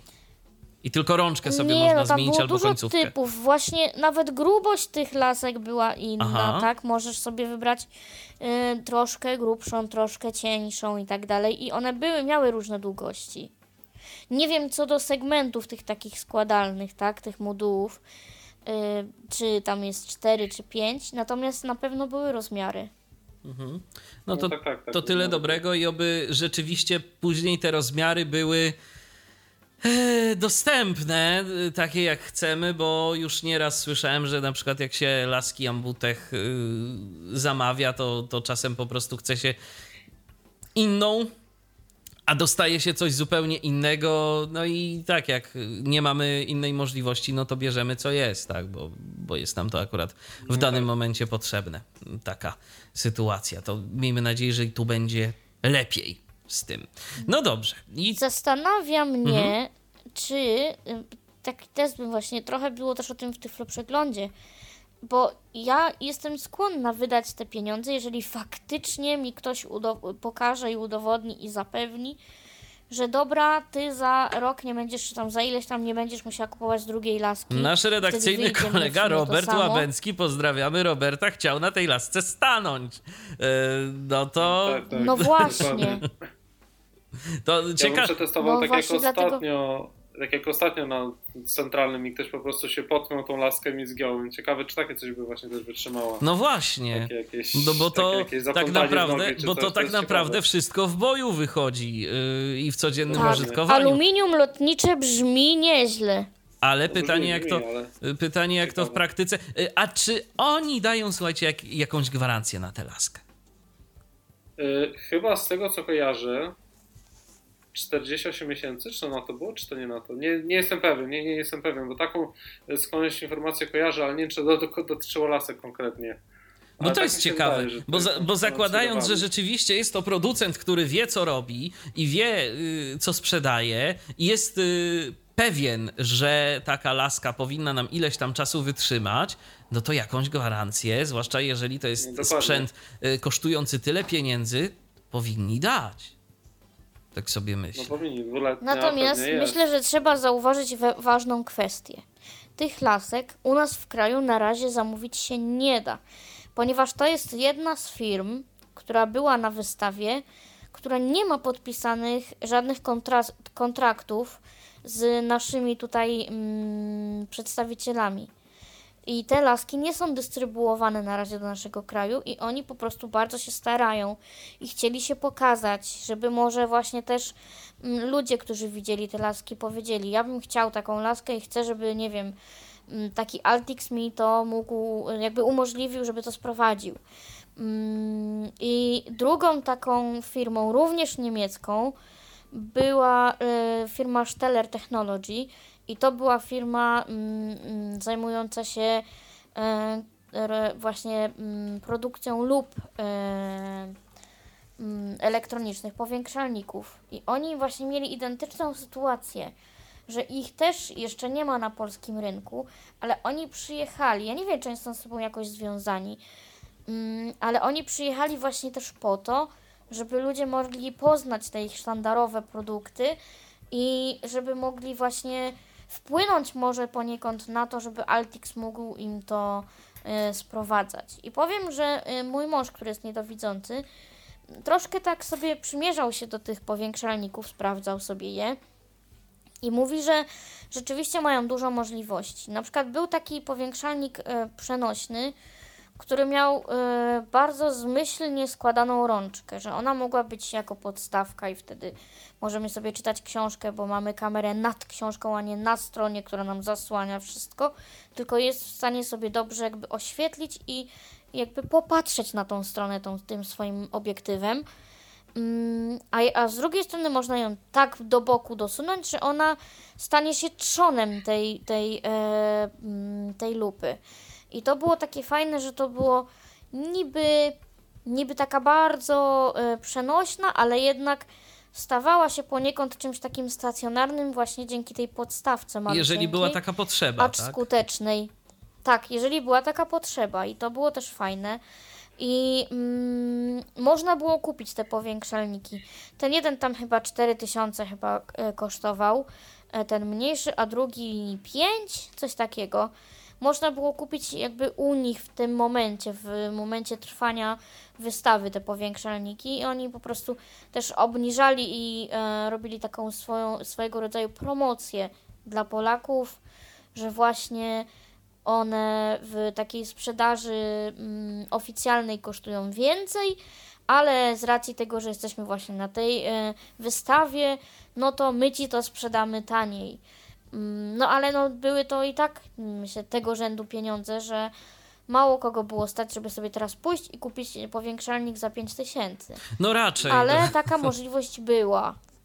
To podobno też przy laskach taka- podobno tak było, że na koniec obniżyli do 179 euro, więc też coś takiego mi się obiło u uszy, więc Taka promocja nie, i, to można nie było, i można było sobie tam troszeczkę Tak. taniej kupić, tak, te laski. tak, coś takiego Na mi się bieżąco. obiło, więc Mhm. tak, tak działają. A czy te powiększalniki, o których e, mówiłaś, Kasiu, to one miały też jakieś takie funkcje, no nie wiem, jakieś tam czytanie o, za pomocą e, syntezy te, tego tekstu, tak jak OCR, jak ostatnio rozmawialiśmy sobie mm, w Tyflo Przeglądzie, nie w tym, tylko w poprzednim wydaniu, e, że na przykład w ofercie Lumenu teraz są takie lupy, powiększalniki tam za chyba około 5 czy, czy 6 tysięcy, które mają takie właśnie funkcje, że można tam sobie syntezą odczytywać tekst i różne takie rzeczy. Te, jak rozumiem, to tylko było powiększanie yy, i... Nic mi o tym nie wiadomo, ale wydaje mi się, że oni po prostu mieli bardziej zaawansowaną pracę nad tekstem i w czarnym druku.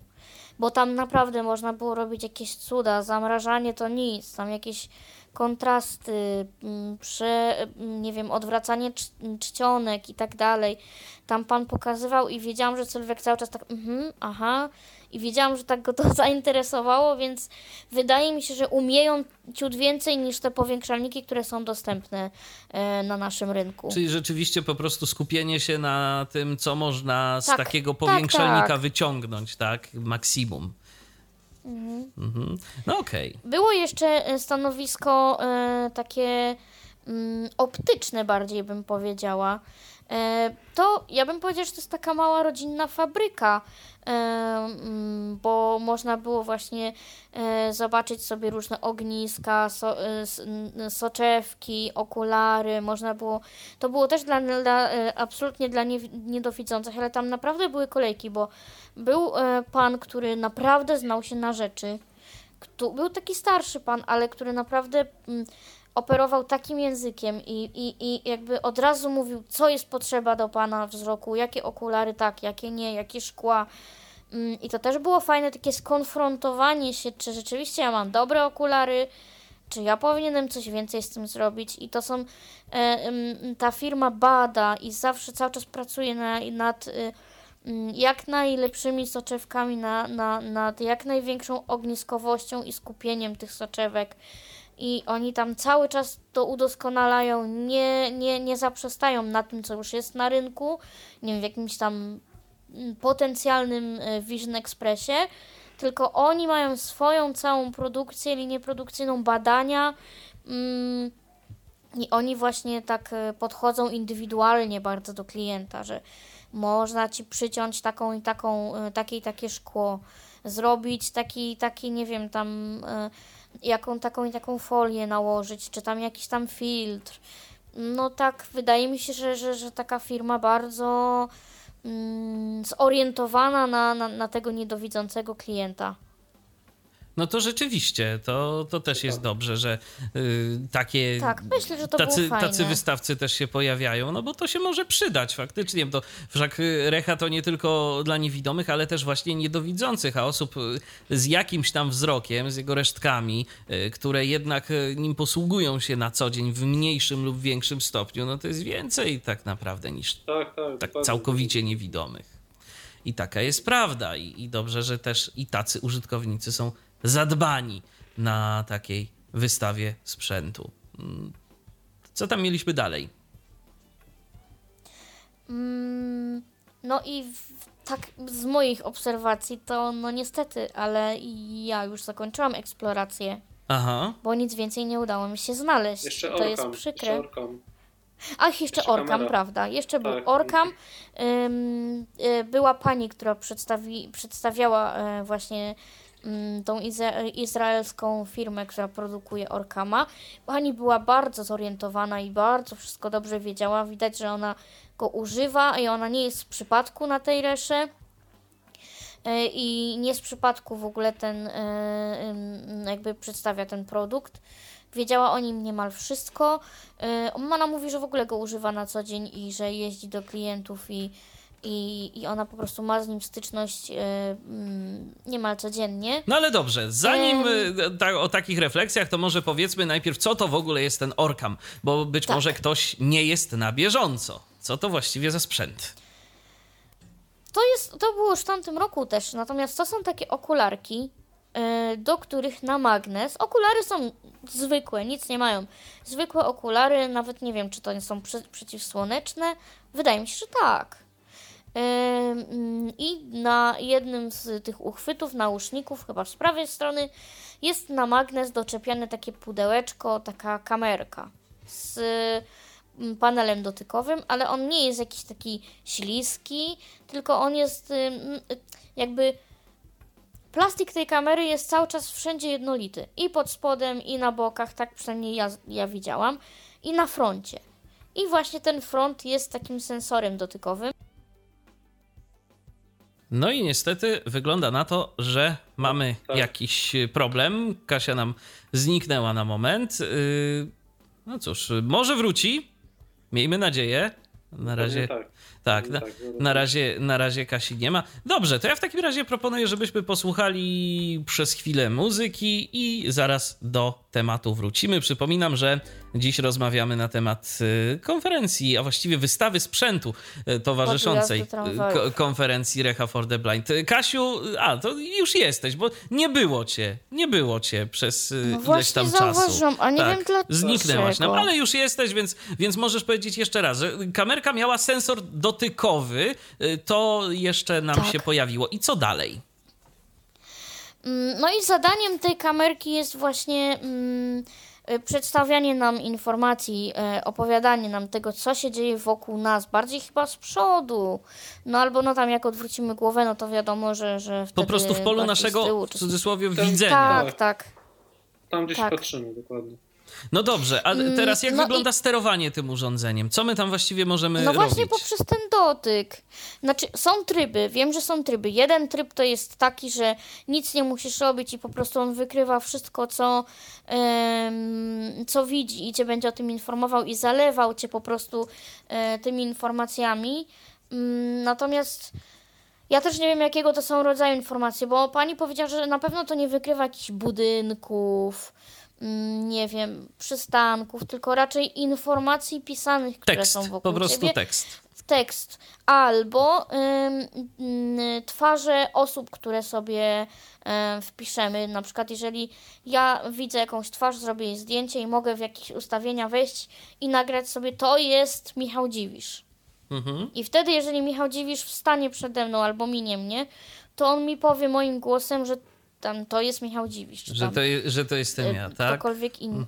Tak. I na przykład, no nie wiem, jak jesteśmy na studiach i czy w szkole, czy gdziekolwiek, no i nie wiem, mijamy na korytarzu takiego Michała Dziwisza, no to będziemy poinformowani, że właśnie em, jest w pobliżu nas. A jeżeli sobie nie zapiszemy, no to on powie, że to jest kobieta, że to jest dziecko, że to jest mężczyzna. I chyba nawet tam, mu, nie wiem, czy próbował mówić, czy starszy, czy młodszy. Czy to było moje pobożne życzenie? E, ale wydaje mi się, że, po, że, że coś takiego było. Mówi językiem polskim. Mm. E, Syntezą Polskim polską. Iwoną Ewą. Znaczy dawną Iwoną, przepraszam. No w każdym razie y, tak. Ym, i, i, i, no, i, no i w zasadzie no on, a, no i pozostałe tryby to są takie, że możesz sobie e, nacisnąć jakby do, z góry na dół panel, po, przejechać palcem po panelu i zrobić zdjęcie. Ym, I trzeba właśnie do tego nauczyć się patrzeć na obiekt, któremu chcemy zrobić zdjęcie. No i to jest też takie, że trzeba to sobie wyćwiczyć i tego się trzeba nauczyć. Czyli No co, y, dość statycznie y, trzymać na przykład głowę, żeby tak, po prostu nie pierwsze, ruszać i nią gdzieś się trochę tam. Mhm. właśnie albo w górę, albo na właśnie, albo przed siebie, nawet już nie tymi gałkami, tylko bardziej mięśniami szyi tą twarz kierować, nie? Mhm. I tą całą naszą głowę właśnie w kierunku tego czegoś, cze, cze, o czym chcemy się dowiedzieć. A trzeci tryb to jest, ja nie wiem, to jest jakiś taki chyba bardziej spersonalizowany i, i po prostu jak sobie ustawimy, tak będziemy mieć.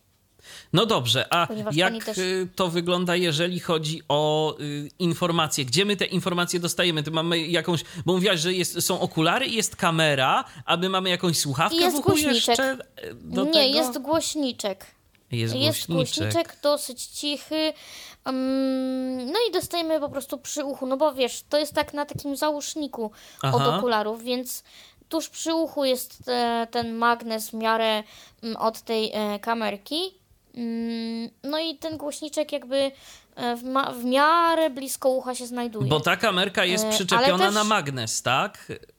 tak. Czy tak. jest ryzyko, że ona nam się odczepi? No ryzyko zawsze jakieś Gdzieś jest. No, idziemy sobie, wiesz, idziemy sobie No, gdzieś na przykład Zaczepimy. y, zaczepimy o jakąś gałąź albo o coś tego typu. Czy ten magnes jest, chodziło mi o to, czy ten magnes jest raczej taki dość silny, czy, czy niekoniecznie? To nie jest taki magnes, który mamy na przykład przy ładowarkach indukcyjnych. Na pewno on jest silniejszy. Aha. Bo z tego co ja widzę przy ładowarkach indukcyjnych, no to naprawdę to się może przesuwać i. i, i ale czy ktoś z Was widział Motorola One y, z tymi takimi motoshellsami albo właśnie motomocami? To tam są właśnie do. Bar- ja mam Motorola i tam jest bardzo silne są te magnesy. Tylko, że mm, tu na tej kamerce jest małe pole namagnesowane właśnie tym, tym, mm, tym metalem, tak? Tym, y, tym magnesem. Tam jest po prostu taki, taka kreska, taki prostokąt, taki magnes. Jego jest dosyć mało i na tej kamerce to, to pole plusowo czy tam minusowe, zależy, nie wiem, gdzie ten magnes jest, czy przy okularkach, czy przy kamerze, bo tego nie sprawdzałam. Mm, no to ym, jakby no mała jest jakby to pole, na którym Powierzchnia. trzyma się Mhm. ta kamera. No bo samy, samy nausznik jest wąski, no więc No tak, trudno tak, jakby dokładnie. zrobić tutaj jakiś wielki magnes, skoro sam nausznik ma nie wiem ile milimetrów. Trochę powiem szczerze, bym się obawiał, bo y, ta kamerka, No, y, jak pamiętam, nie kosztuje wcale mało. Tam No, No nie, oczywiście. za ile, Oczywiście, za ile to tak. cudo? Pamięta ktoś z was?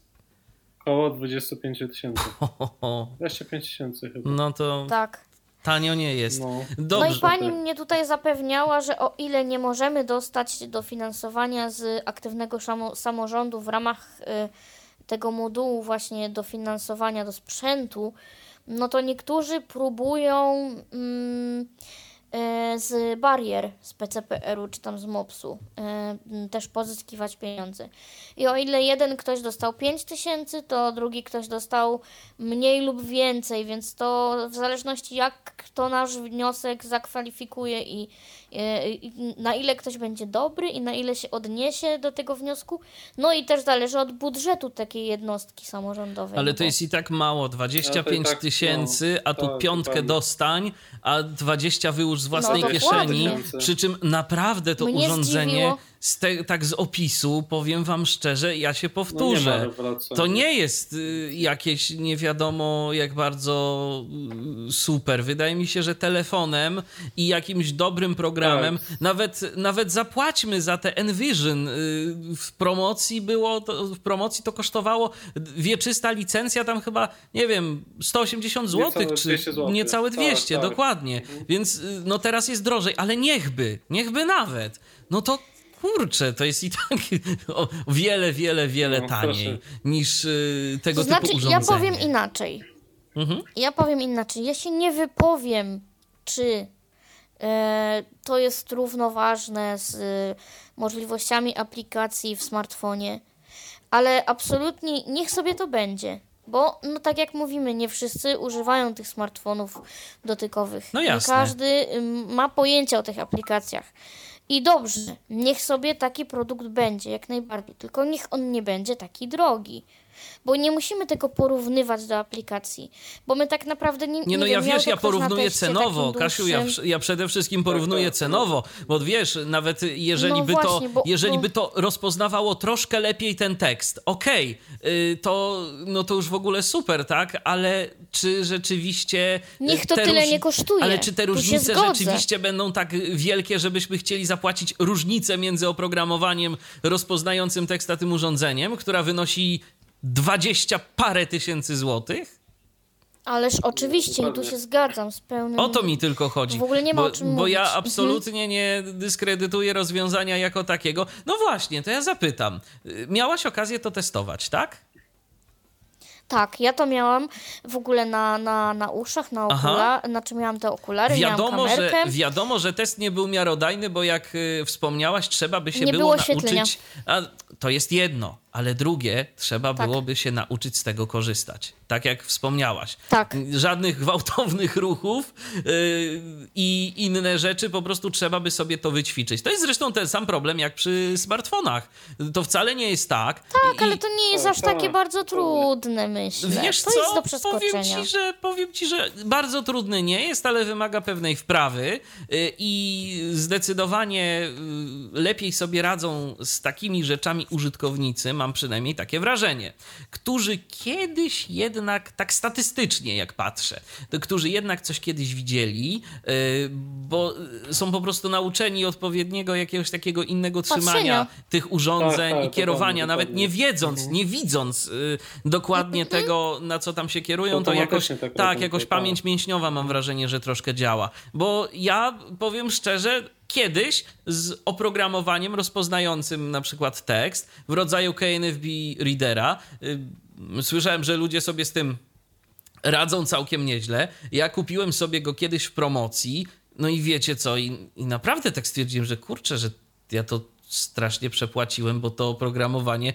w moim przypadku yy, się nie sprawdzało albo sprawdzało się bardzo słabo. To tam czasem coś się udało Ale ja rozpoznać. mam tak do tej pory z tymi, z tymi, e, z tymi em, właśnie tymi aplikacjami odczytującymi. Ja naprawdę nie jestem w stanie ustawić sobie tak tego telefonu. Ja podziwiam Tomka Bileckiego, który przecież też nie widzi. On raz, dwa, dziesięć to sobie zrobi i, i jakoś umie to sobie tak ustawić, że, że jemu to wszystko czyta. Ja powiem Ale ja szczerze... podchodzę, nie wiem, ja biorę po- leki i Mhm. nic nie czyta. Ja, Ja, powiem szczerze, ja już na przykład Envision. Envision bardzo fajnie sobie radzi z tego typu, rozwią- z tego typu y, korzystaniem. Przynajmniej mi się bardzo wygodnie z Envision korzysta. Sync AI Mhm. też całkiem dobrze. A tymczasem mamy telefon. Kogo witamy? Halo? Dobry wieczór, Marcin z tej strony. Dobry wieczór. y, Mam do y, prowadzących y, takie pytanie. Słuchamy. Był może pokazywany głośnik Tonos, y, pro- y, wymyślony przez Jana Gawlika w Laskach, bo podobno dru- na drugi dzień świąt miał być pokazywany. Y, Wiem, że w zeszłym roku chyba była jakaś jego y, pierwsza wersja. i W zeszłym roku być tak, w zeszłym pokazywana. roku było. W zeszłym roku był I na pewno, roku ale też coś słyszeliście może na ten temat. Ja wiedziałem, że słyszałem, że w tym roku y, trzeciego dnia, czyli w środę miał być UKSW, czyli miał, na uniwersytecie, miał prezentować Aha. jakiś inteligentny dom, ale mnie tam niestety nie było, więc, bo ja zostałem w Centrum Nauki Kopernik, więc nie miałem okazji tego, tego widzieć, ale podobno miało być, to tylko tyle wiem. Tak, bo ten Aha. Tonos, bo E, ten Tonos to miało być w ogóle urządzenie, które tak w założeniu miało sterować y, różnego rodzaju sprzętami Tak, tak. Domowymi. Mieliśmy właśnie mieć możliwość stworzenia sobie takiego inteligentnego domu. Ja powiem, że my obsługiwaliśmy... A to myślę, że tak. Myślę, że, kie, myślę, że kiedyś na pewno porozmawiamy i, i zaprezentujemy ten sprzęt. My obsługiwaliśmy, jeżeli chodzi o mm, e, robienie wywiadów, e, Rechę razem z Piotrem Rakowskim, mm, którego dzisiaj nie ma, z- nad czym bardzo żałuję, bo właśnie on e, zajmował się fundacjami e, oraz właśnie ośrodkami szkolno-wychowawczymi, więc pewnie miałby coś do powiedzenia. Natomiast ja nie wiem. Po prostu. Rozumiem.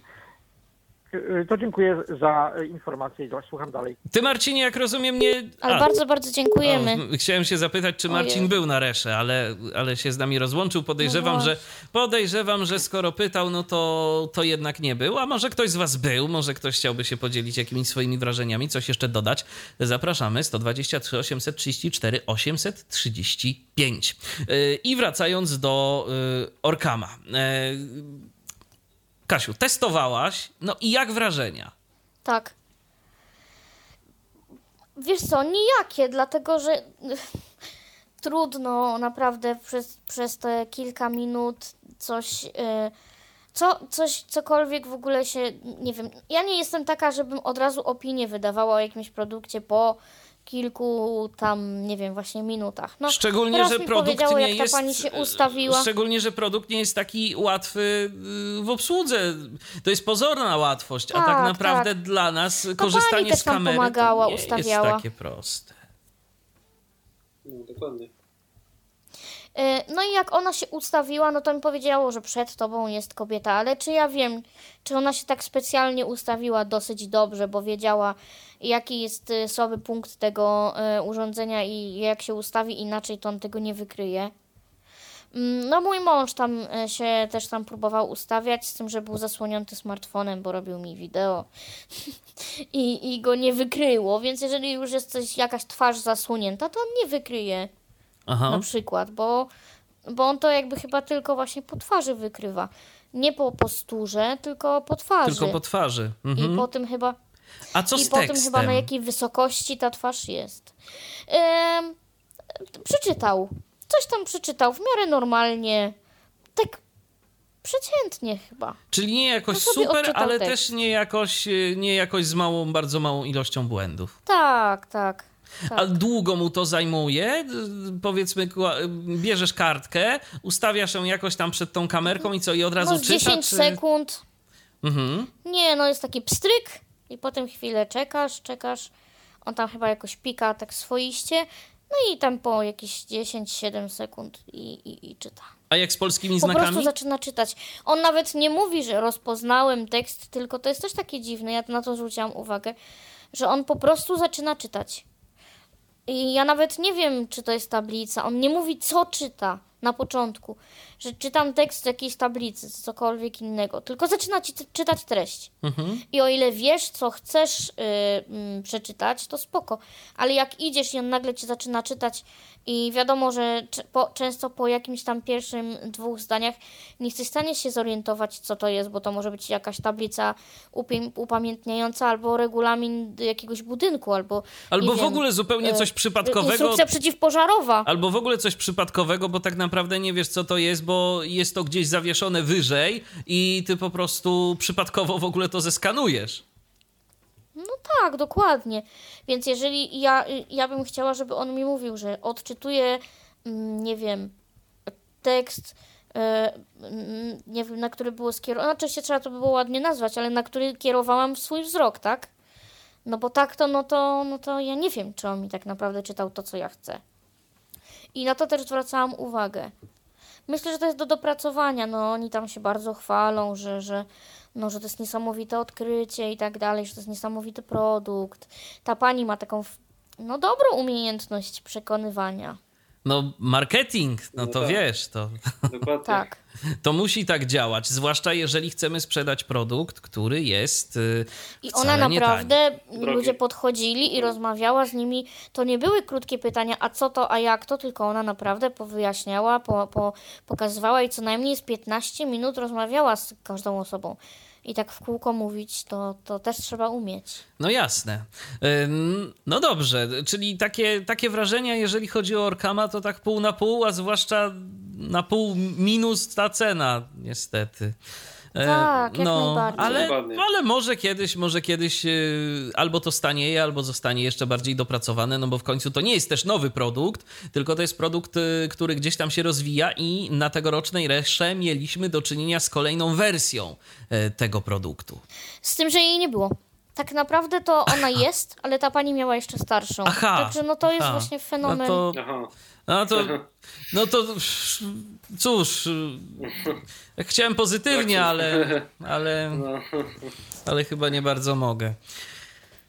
No dobrze. y, Nie, no właśnie to jest to, o czym ja mówię, że mm, no jest jakaś taka dziwna tendencja do, do pokazywania czegoś, czego tak naprawdę nie ma. Opowiadamy o czymś, to tak jak ja bym opowiadała, o nie wiem, super, no nie wiem nawet jak to określić. Ale to jest, wiecie co, to mnie to naprawdę zastanawia, bo ja rozumiem, że y, powiedzmy, kiedy firma y, no nie miałaby żadnych egzemplarzy testowych, ale przecież, albo gdyby tych konferencji dla niewidomych było na pęczki, a jest ich tak No, naprawdę niewiele. Recha nie jest może największą, ale trzeba oddać sprawiedliwość. To jest jedna z liczących się konferencji dla niewidomych No e, jest w Europie. prestiżowa, tak. Oczywiście, to, to, to ma swój, to ma swój prestiż.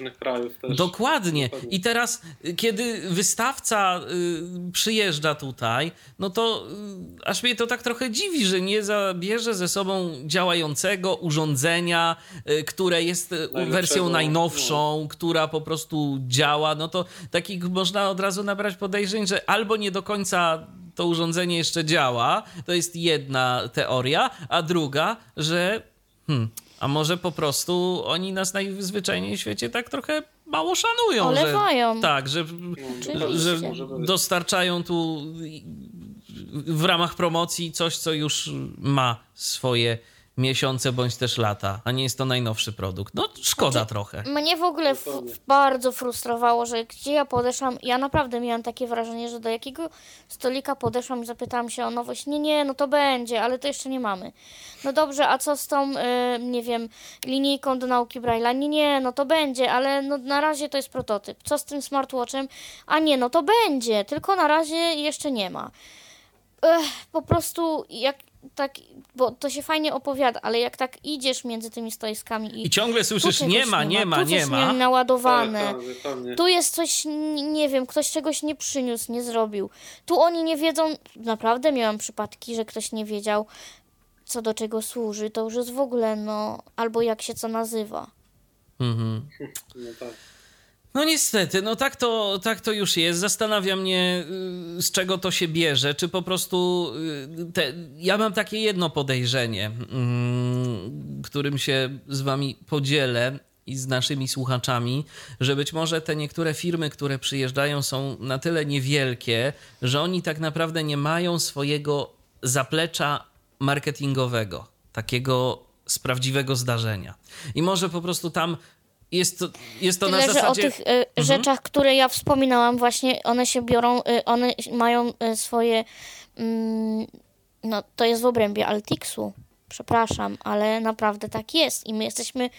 Mm, Pytanie, czy- ile jest tych oddziałów Altixu? No tak, tylko pytanie, Łódź, czy tam. Poznań. Tak, tak, tak. Tylko pytanie, czy tam rzeczywiście jest, jest taki jakiś odpowiedni y, marketing, bo z jednej strony są to pewnie ludzie zajmujący się sprzedażą, z drugiej strony to są ludzie zajmujący się czymś jeszcze. tak, Czasem tak. są to po prostu y, twórcy danych y, rozwiązań, którzy no, zajmują się ich jakimś tam powiedzmy tworzeniem, tak, a niekoniecznie.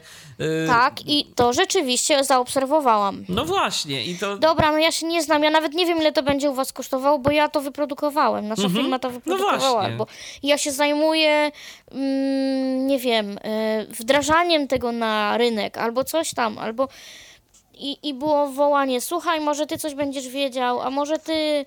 I jak właśnie chciałam zrobić wywiady, to mnie to zaskoczyło, że no, no takie to było dla mnie dziwne. Że to tak wygląda. No y, oczywiście, no Tak. ale to myślę, że nie jest to pierwszy, nie jest to pierwsza recha, na której się coś takiego dzieje i obawiam się, że nie ostatnia.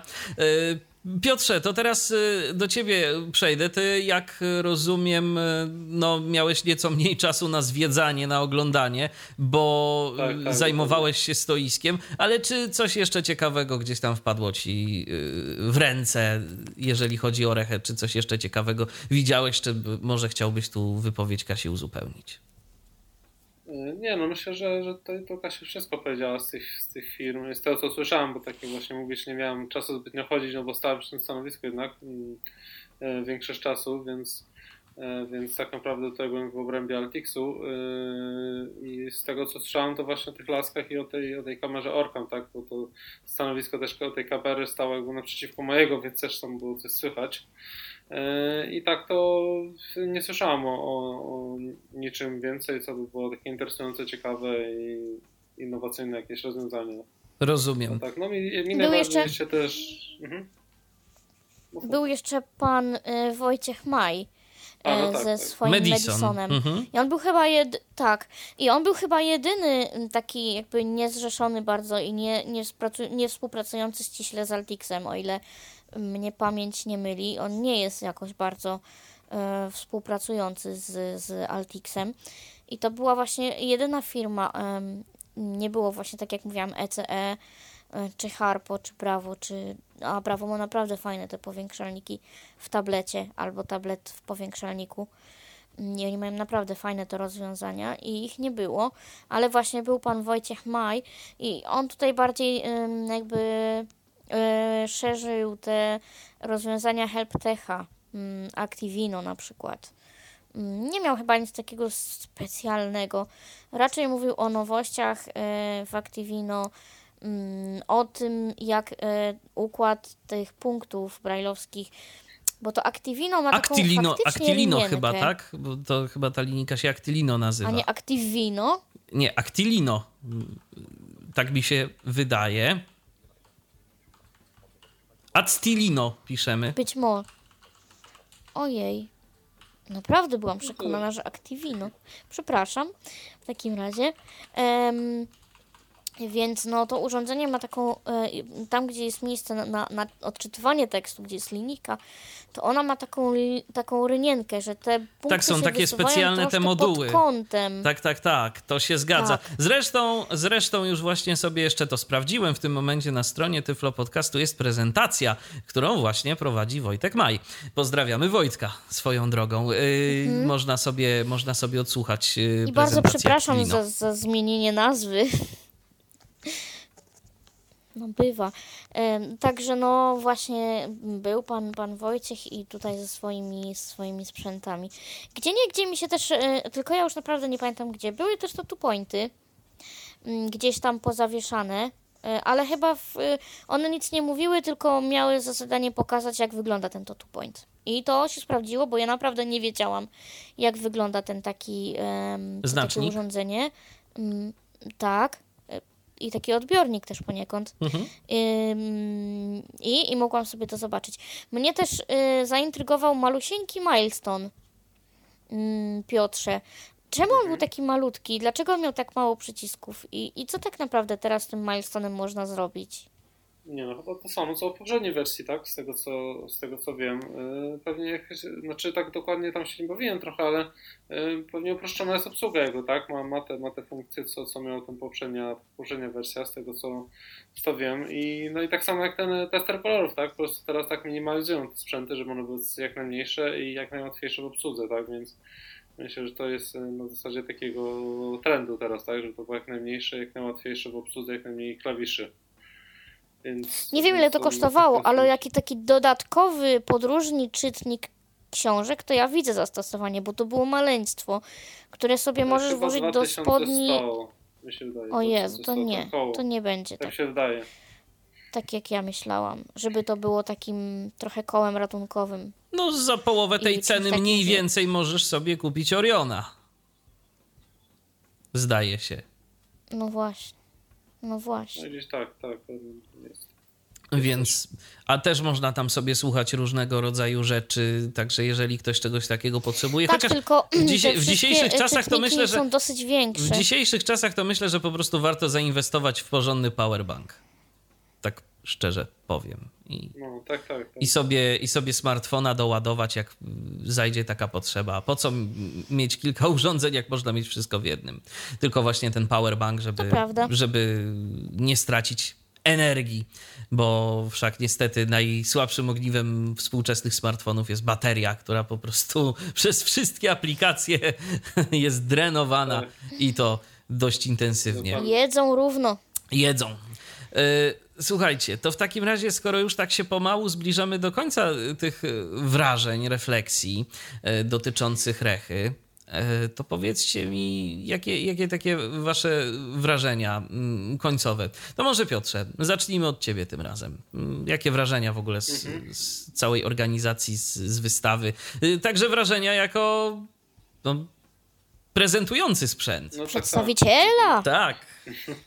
Nie no, wrażenia, wrażenia, no, to myślę pozytywne, tak? y, Jeśli chodzi o, o prezentowanie i tak dalej i pokazywanie, zainteresowanie też ludzi, tak? y, Różne pytania, to tutaj było tutaj dużo, dużo, y, dużo pytań, dużo jakichś tam właśnie, no dużo pytań właśnie i dużo jakichś tam o konkretnych cech, różnych rzeczy. Więc A powiedz mi, dużo było pytań zaskakujących? Tak jeszcze zapytam. E, chyba co tu dają? Nie. Chyba raczej, chyba raczej nie właśnie, co, co, co jest, tak, co jest właśnie dostępne, tak, u, u Ciebie bardziej i, i właśnie te telefony, tak, i te telefony, tak, ewentualnie i no, ewentualnie opowiedzenie jakiegoś innego sprzętu, jak już powiedziałem, że mam czytniki książek, y, testery kolorów i wykrywacze przeszkód, to raczej na takiej zasadzie, więc raczej pytań zaskakujących żadnych nie było. E, było czyli co, czyli, czyli, ci, którzy, czyli, czyli ci, którzy byli, to nie byli tacy jacyś specjalnie dociekliwi yy, odwiedzający te stoiska? Nie, nie, aż tak dociekliwi nie byli, nie, aż tak dociekliwi nie, aż, aż, tak, aż tak nie. Bardziej się wiedzieć, co mam i jakie to ma funkcje, tak, na takiej zasadzie i, i o te telefony, tak? Jasne.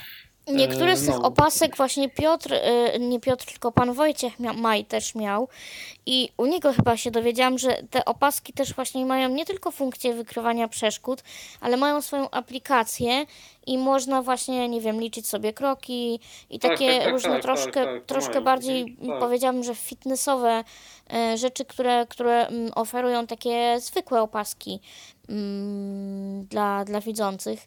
No z tym, że te nasze są oczywiście dużo większe i mają takie to kółeczko z siatką, taki detektor właśnie tych przeszkód, wykrywania tych, tych przeszkód, ale można go używać jako normalnej takiej opaski do codziennego monitorowania e, z takiego, takich fizycznych swoich e, tak, tak, poczynań. Mhm.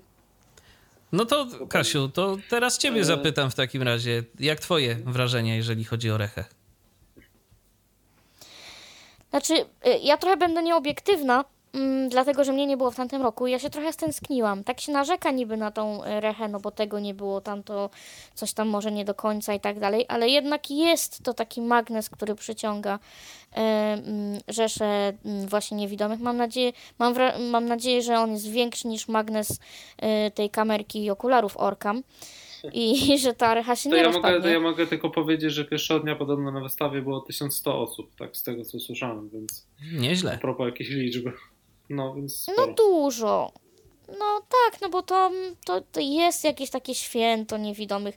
Nawet tutaj y, y, y, ten który, pan, który zadzwonił do nas, powiedział, że w drugi dzień świąt było coś tam, co mi tak utkwiło, że rzeczywiście niektórzy niewidomi uważają ten, ten, ten, ten czas jako taki właśnie świąteczny, taki jakiś niesamowity trochę że to jest taki zlot, że możemy się gdzieś tam spotkać. I ona ma wiele walorów ta, ta recha, nie tylko właśnie to, te wystawy, ale że nie wiem, kiedy mamy znajomych z różnych tam y, y, stron Polski, no to to jest taka też okazja, żeby się gdzieś tam spotkać z kimś y, w międzyczasie i, i takie jakby ścieśniać te swoje więzy, więc ona ma dużo takich, y, zaspokaja dużo takich potrzeb. I ja mam wrażenie, że z roku na I... rok y, coraz to bardziej zaspokaja te potrzeby niż y, głód wiedzy technologicznej.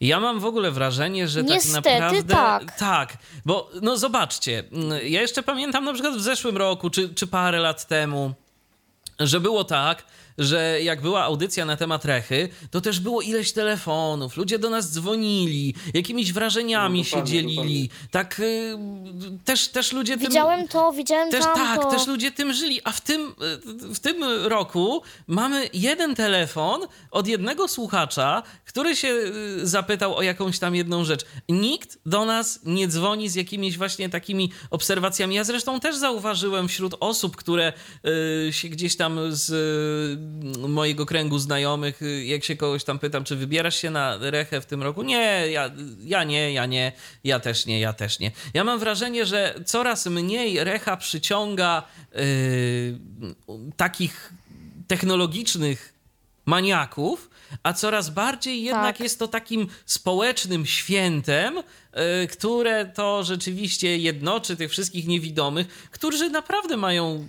życie różne i y, niekiedy nie jest to właśnie. kolorowe i nie ja jest ono... Ja też chciałam właśnie zauważyć, że to są fajne. takie osoby, które które nie są takie bardzo, że tak powiem, zaradne życiowo, które nie są takie aktywne, że raczej to są właśnie jacyś tacy starsi ludzie, troszkę tacy bardziej mm, mniej, mniej sprawni może życiowo, o, w orientacji przestrzennej, czy, czy w ogóle w, taki, w takiej samodzielności. Ja na przykład zauważyłam, że no mnie na przykład bardzo taki, no przepraszam, ale jeden pan, który dotykał wszystko i wszystkich, tak, żeby w ogóle dowiedzieć się, co to jest i natknął się na mnie i tak mnie dotyka, dotyka, ja się odwracam od niego, on mnie znowu łapie i dotyka i mówi, a co to jest? Więc, więc to dla mnie był też taki przykład, że naprawdę bardzo różni ludzie tam przychodzą i, i, i bardzo zróżnicowany mają jakby poziom tej takiej swojej wiedzy i, i tego, tego takiego mm, usamodzielnienia się i tak dalej. Więc, ale ja, ja ubolewam. Bo kiedyś naprawdę recha to było coś, jak wracałeś do domu, to miałeś głowę pełną takich wrażeń. Wow, no dzieje się na tym rynku, tak? Coś tam zawsze. A teraz, no, Ale z No drugiej biednie. strony, ale z drugiej strony zobaczcie, jakie to jest też płynne przejście. Yy, mamy tyflo przeglądy co tydzień. Co tydzień mamy o czym mówić przez dwie albo trzy niekiedy godziny.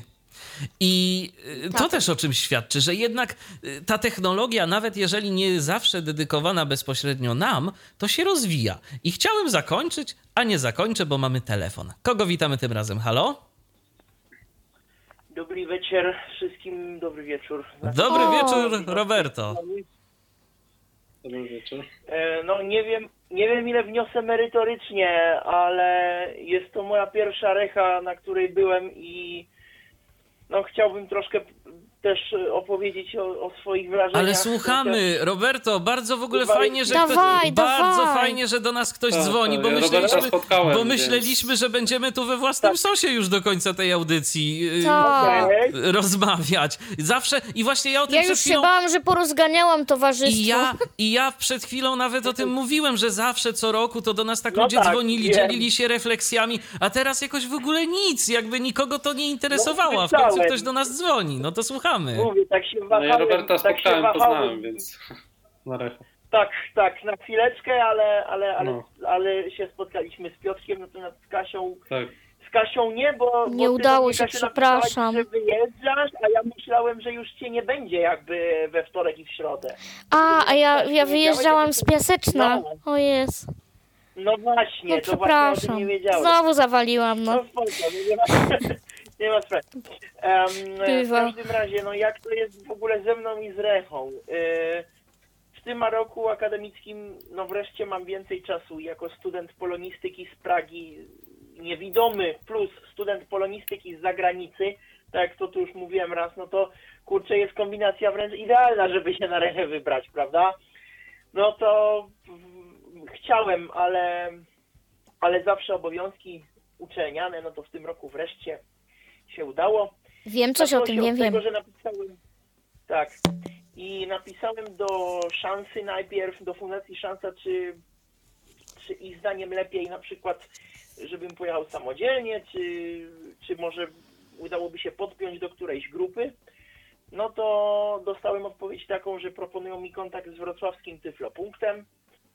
Mm, Skontaktowałem się z nimi.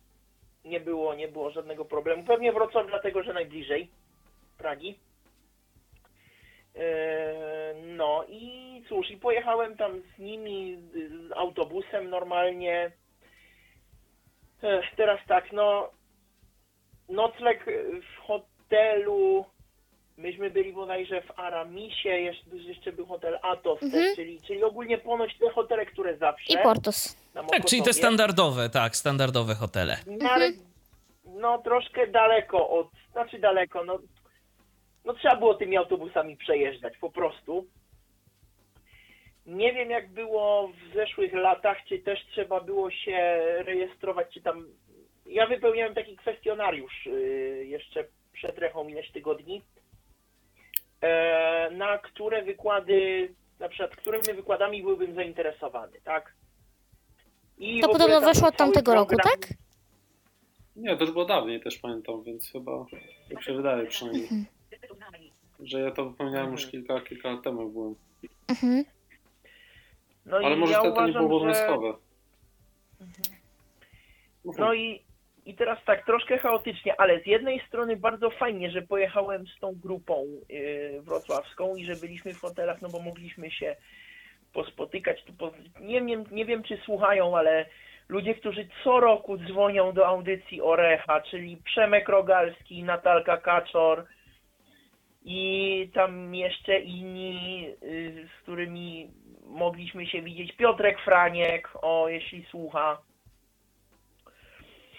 I, em, I to mi się podobało, bo po prostu były okazje. Ale co mi się nie podobało, i to powiem tu od razu tak naiwnie trochę, przez to, że były te wykłady i jakby myśmy byli na nie zapisani, to ja jakoś nie skojarzyłem, że tak naprawdę to można by się urwać kiedyś i sobie pójść pooglądać wystawę. Dlatego, że tak poza tym, to na wystawę albo, albo czasu nie było, albo były tłumy. I to jest największy minus. E, Czyli Roberto, ale, ale widzisz, ale to z drugiej strony y, przynajmniej byłeś na tych wykładach, na, którym, y, na których tu dzisiejsi moi goście nie mieli okazji być, to może coś Mhm. powiedz o nich, bardzo proszę. Okej, okej, okej. To znaczy, nie pamiętam dużo, bo jak mam być szczery, to po pierwszym dniu, kiedy przyjechaliśmy, po prostu malutko się wyspałem i ja pierwszą sesję, pierwszą coś do przerwy po prostu przespałem. No niestety. Ja tam byłem, ale ja po prostu spałem. I to wcale nie Dlatego, dlatego, że nie było ciekawie, tylko po prostu byłeś zmęczony. Dokładnie. Tak, byłem zmęczony, ale z tego co wiem, bo ja byłem na pierwszej połowie, byłem na jednych wykładach, bo tam z kolei to zaraz opowiem też dlaczego, a na drugiej to byłem na drugich, innych jakby wykładach w innej sali. Jedno to było o nauce i edukacji i tak dalej osób niewidomych. Tam było ponoć na przykład o nauce Braille'a i o tym, że tam mimo wszystko Braille nadal ma swój sens i że był jakiś eksperyment naukowy, że tam i niewidomym i widzącym dali jakiś fragment tekstu do zapamiętania jednej grupie zawsze, w sensie były cztery grupy, dwie niewidomych, dwie widzących i zawsze jedni dostali ten tekst jakby nagrany, a drugi dostali na, drudzy dostali napisany. No i jednak Braille działał podobnie do czarnodruku dla widzących, czyli nadal Braille ma sens. A drugie to ciekawe na przykład to było o tej okulistyce, to było właśnie na drugiej połowie, to było o tym, co dzisiejsza medycyna wie o, o tam y, przywracaniu wzroku, czy tam tego typu rzeczach. I, Mhm. I było właśnie, była pani profesor na przykład jakaś tam, o, która opowiadała o okulistyce i o komórkach macierzystych. I która na przykład powiedziała bardzo fajną rzecz, że oprócz rogówki, chyba, jeśli o oko chodzi, bo tam jeszcze inne trzy rzeczy były, ale jeśli o oko chodzi, to chyba tylko rogówka. Tylko rogówkę wolno leczyć komórkami macierzystymi za pieniądze, a wszystko inne to są eksperymenty, więc jeśli ktoś bierze za to pieniądze, to to jest przestępstwo tak naprawdę. Albo coś tam, no jakby nie jest to legalne, o. O proszę, warto tak. wiedzieć. No. I to była jakaś pani doktor czy profesor, więc moim zdaniem człowiek, który powinien się na tym znać. Tak, bo jeszcze medycyna, no co do tych komórek zaufanie ma. macierzystych, tak, no, no to ca cały Tak, czas y, się. pewne rzeczy są y, w dalszym ciągu w formie eksperymentów, jeżeli chodzi o wzrok. Tak. To, to, to nie jest tak, że to Tak, już wszystko działa absolutnie No. skutecznie. No, no i jeśli są komórki macierzyste, no to tam y, oprócz tej rogówki, to tam zawsze powinien być, powinna być zgoda jakaś pacjenta, że się zgadza na to, że to są eksperymenty, no i powinno to być za darmo. No, także to No, było to jest ryzyko najciekawsze. też pewne ponoszone. Altix. Tak, zgadza się. Zresztą znam osobę, która, że tak powiem, y, zapłaciła sobie za niewidzenie kompletne. E, a wcześniej miała tylko problemy trochę, nie dowidziała. No i właśnie. O Altixie mówiłeś? A tak, był Altix, był pan Marek Kalbarczyk y, i teraz nie mówię o powiedzmy rozpoczęciu, tylko mówię też o prelekcji. I był pan y, z, no, z tego, co kiedyś było Freedom Scientific. Nie wiem, jak się też ta firma nazywa. Wispero. Wispero. E, Vispero, o Vispero. I to był e, Holender, który pokazywał Focusa 14, linijkę, jak działa na niej z iPhone'em i w ogóle jak to wszystko jest fajne. E, było tłumaczone na polski, no po części tylko, ale bo on się rozgadał i to tam potem, wiadomo, trudno, żeby. I to były takie najciekawsze z tych prelekcji, które zapamiętałem. Tak próbuję sobie jeszcze przypomnieć, ale chyba to było najciekawsze, bo myśmy też, przyznam, myśmy ostatniego dnia stwierdzili, że nie ma co, nie ma co, bo tam były yy, te msze, jakieś manifestacje i nam się tam nie chciało na to, więc, więc powiedzmy, po prostu pospaliśmy sobie dłużej. Swoją drogą zjedliśmy śniadanie w hotelu na spokojnie, bo tam były tłumy, tam były takie kolejki, że że we wtorek, zawsze. Czyli, czyli jakby drugiego dnia, to stwierdziliśmy, że pójdziemy sobie po hot, doga, po hot doga do żabki i, i też było dobrze. No i, i tak, no i co, co tam jeszcze? No, Swoją drogą na pan tych, od, Wis- od, od Wispero, No, e, mm, to tak e, a propos troszkę mm, Tak. jego przewodnictwa, miał właśnie przewodnika i to był Golden Poo, czyli e, mieszanka pudla e, i Goldena, mhm. co u nas w Polsce dopiero co wchodzą Okej. właśnie te takie rasy p- p- p- mm, hybrydowe, na przykład Labradoodle. I, I to jest właśnie też takie Mhm. fajne i dowód na to, że pudle moje ukochane i ulubione i w ogóle i w ogóle też nadają się do y, bycia psami przewodnikami. Mhm. Na marginesie. Jasne. E, No, więc, więc tak, no z wystawy zobaczyłem tylko stanowisko, czy stoi, stoisko, stoisko Altixu, no bo mówię, zawsze albo był, albo był e, ten, nie było czasu, albo były tłumy. E, Ale dzięki temu spotkaliśmy się z Piotrkiem. Właśnie. No i, i co tam jeszcze? No ogólnie ogólnie był, byli też y, wolontariusze, a raczej wolontariuszki były. Nie wiem jak to z nimi było, ale myśmy troszkę skorzystali z tego z kolegą, dlatego że dwie dziewczyny z Wrocławia, które mie- słabowidzące, które miały pojechać jako nasze tak jakby przewodniczki, to pojechali, to nie pojechały z powodu choroby jakiejś tam. E, więc tam mieliśmy, potem tam by, byli tacy małżeństwo, którzy często nam pomagali, ale też nie zawsze, bo na przykład byli gdzie indziej i dlatego właśnie na przykład myśmy potem z kolegą z Armandem Perykietką, który zresztą był też w Tyflo podcaście, em, korzystali potem na przykład z tego, że tam te wolontariuszki były, ale, ale nie wiedzieliśmy o tym do, do środy, więc myślę, że gdybyśmy, gdybyśmy jakoś wcześniej się dowiedzieli, to pewnie, pewnie by dało radę bardziej tą wystawę sobie na przykład obejrzeć. A tak to byliśmy To tak tej... jak z tą aplikacją, tej- która niby jest dostępna po poruszaniu się w... No, o em, Jezu, gdybym ja o tym wiedział, to Kopernik. można by było No oczywiście. właśnie. No, szkoda, że nie dostaliśmy tej informacji, szkoda. No i cóż ja mogę powiedzieć Ja do tej pory No, nie wiedziałam. Imprezy... No, ja też nie. Imprezy dodatkowe, czyli koncerty. No był bardzo fajny koncert tego zespołu Tango para Todos. To mi się podobało bardzo. I ten koncert y, podczas pikniku, tam gdzie była Anna Jurksztowicz i jeszcze ktoś tam, to też było całkiem fajne. Tam było w ogóle, tam był na przykład Chińczyk żywy, czyli można było sobie grać w Chińczyka. Rzucało się taką ogrom, chyba w Chińczyka. Ja teraz nie, to jest po polsku, jak się nazywa, to jest ta gra, gdzie tak się chodzi. Tak, Tak, to jest Chińczyk. To jest Chińczyk. no, Tak, no, tak. no. To, to się rzucało taką ogromną kością i było się pionkami. Więc, więc można było sobie Ekstra. pograć, można było sobie też pograć w kółko i krzyżyk. Yy, I no ogólnie i w, i w Showdowna. W Showdowna akurat nie próbowałem, ale, ale tam Przemek Rogalski był, no to on on tam grał, a myśmy z Natalką Kaczor, która też tam była, to tylko kibi- kibicowali.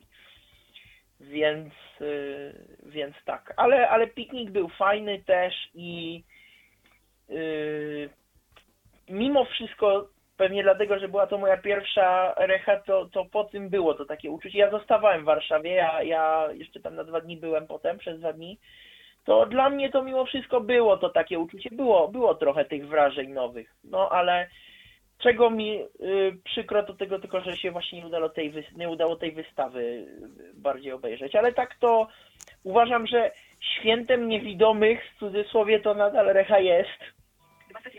Um, technologicznie nie jestem w stanie ocenić, a słyszałem, że z wystawcami jest troszeczkę bardziej kiepsko niż było, że jest ich, albo było ich mniej na przykład niż kiedyś. Um, A może takie, no, taka ale- refleksja mi się nasunęła.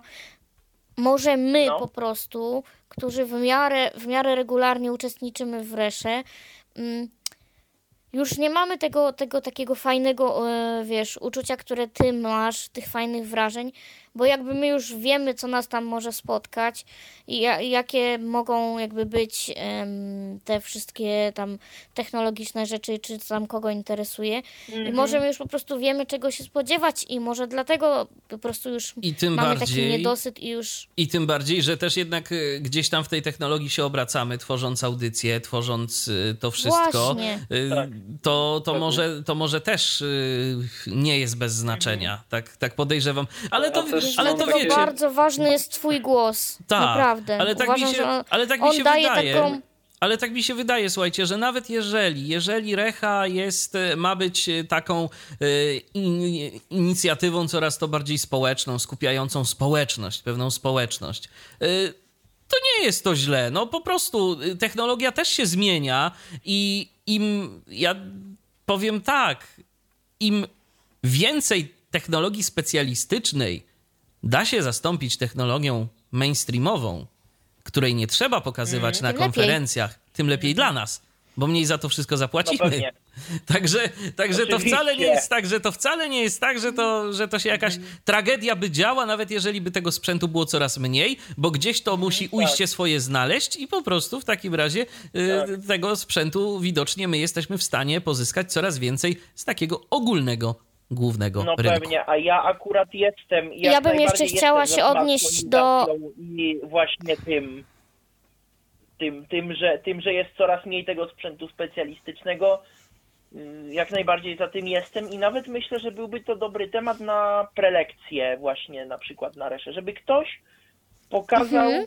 przeróżne te apki i rozwiązania, które my możemy Nie e, wiem, czy to... dlatego że to, Nie to wiem, nie czy to nie byłoby. niewidomych. Nie wiem, czy to było, nie byłoby tak trochę kopanie pod sobą dołka, szczerze mówiąc, bo jednak, tak bo jest. jednak nie zapominajmy, że to jest konferencja, na której przede wszystkim wystawiają się firmy, które nadal jednak zarabiają pieniądze i żyją y, z, głównie z tego, że niewidomi mają jakieś specjalistyczne potrzeby, które można y, z, tylko zastąpić wyspecjalizowanym urządzeniem albo jakąś tam inną technologią, albo przynajmniej jesteśmy im w stanie to wmówić, że oni tego potrzebują. Tak, właśnie.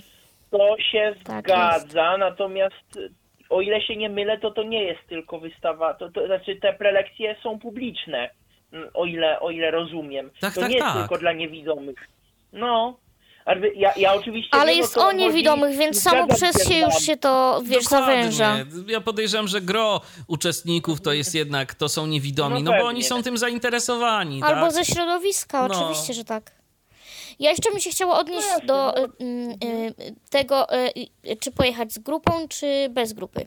Bo ja przeprowadzam, No ja brałam powiem, udział w tak. dwóch wariantach. Mhm.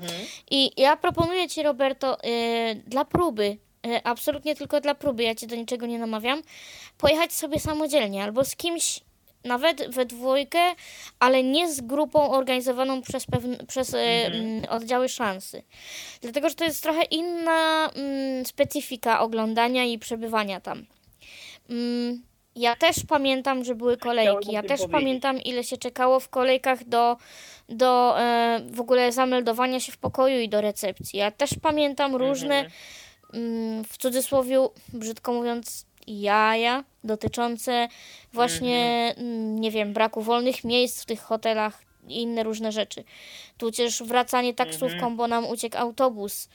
I różne takie, to jest po prostu bardzo mm, średnio zorganizowane. I, i, I tak powiem. Natomiast to, to faktycznie ma ten walor taki, że to ci daje spotkanie się z tą osobą, tamtą osobą. Tym, Integrację że po Tam masz prostu. coś takiego, że jak już tam jedziesz, to już musisz tam siedzieć. I nie pójdziesz Tak. sobie gdzieś za bardzo dalej, no bo cała grupa siedzi. Tak.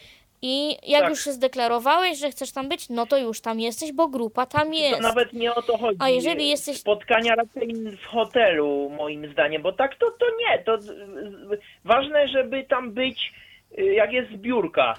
Ale tak poza tym to, to nie, to ja takiej zależności, takiego uzależnienia od całej grupy nie czułem, ale i zwłaszcza teraz, jak wiem, że można było się urwać, ja tam uważam, że te spotkania yy, najważniejsze to to właśnie były dzięki temu, że, że byliśmy w hotelu, więc wieczorem mogliśmy się z kimś tam umówić, tak, my jesteśmy tutaj, my jesteśmy tutaj, no to wpadajcie. Zwłaszcza dla ciebie to jest też ważne, no bo jak ty jesteś z innego kraju, no to przyjeżdżasz aż na, na jakiś No tam tak, czas od święta, że tak powiem, więc dla ciebie to też ma jakiś inny wymiar. oczywiście. Ale, Ale spróbuj rację, sobie, Że, spróbuj. no, myślę o tym, zwłaszcza, że ci wolontariusze, ja mówię raczej wolontariuszki, to są tam, to są dziewczyny z jakichś, nie wiem, liceów, z uczelni, niektórzy byli na przykład z UKSW, którzy studiowali tam, albo studią po prostu pedagogikę specjalną, ale były też licealistki, pewnie, nie wiem, czy licealiści, wolontariusze też, ale w każdym razie ludzie, no, niektórzy to w ogóle nie związani ze środowiskiem albo z niewidomymi, po prostu można było, no to oni sobie spróbowali. Pytanie, ilu ich tam było, ale masz rację, że no, pojechać sobie i to nawet tylko na jeden dzień samodzielnie, to ja sobie wyobrażam, że to może być troszeczkę inne mm, przeżycie. Jedyne co, no to e, ojej, i teraz mi wyleciało to z głowy, ale, ale e, planuję się wybrać. A, e, no właśnie, te spotkania i to, to, że dzięki temu mieliśmy zapewniony przejazd pomiędzy UKSW a Centrum Nauki Kopernik, chociaż prawda jest taka, że jak dla mnie to to nie było jakimś wielkim problemem, bo, bo w, jednym, w jeden dzień to było, o ile wiem, w jednym miejscu zawsze to najważniejsze.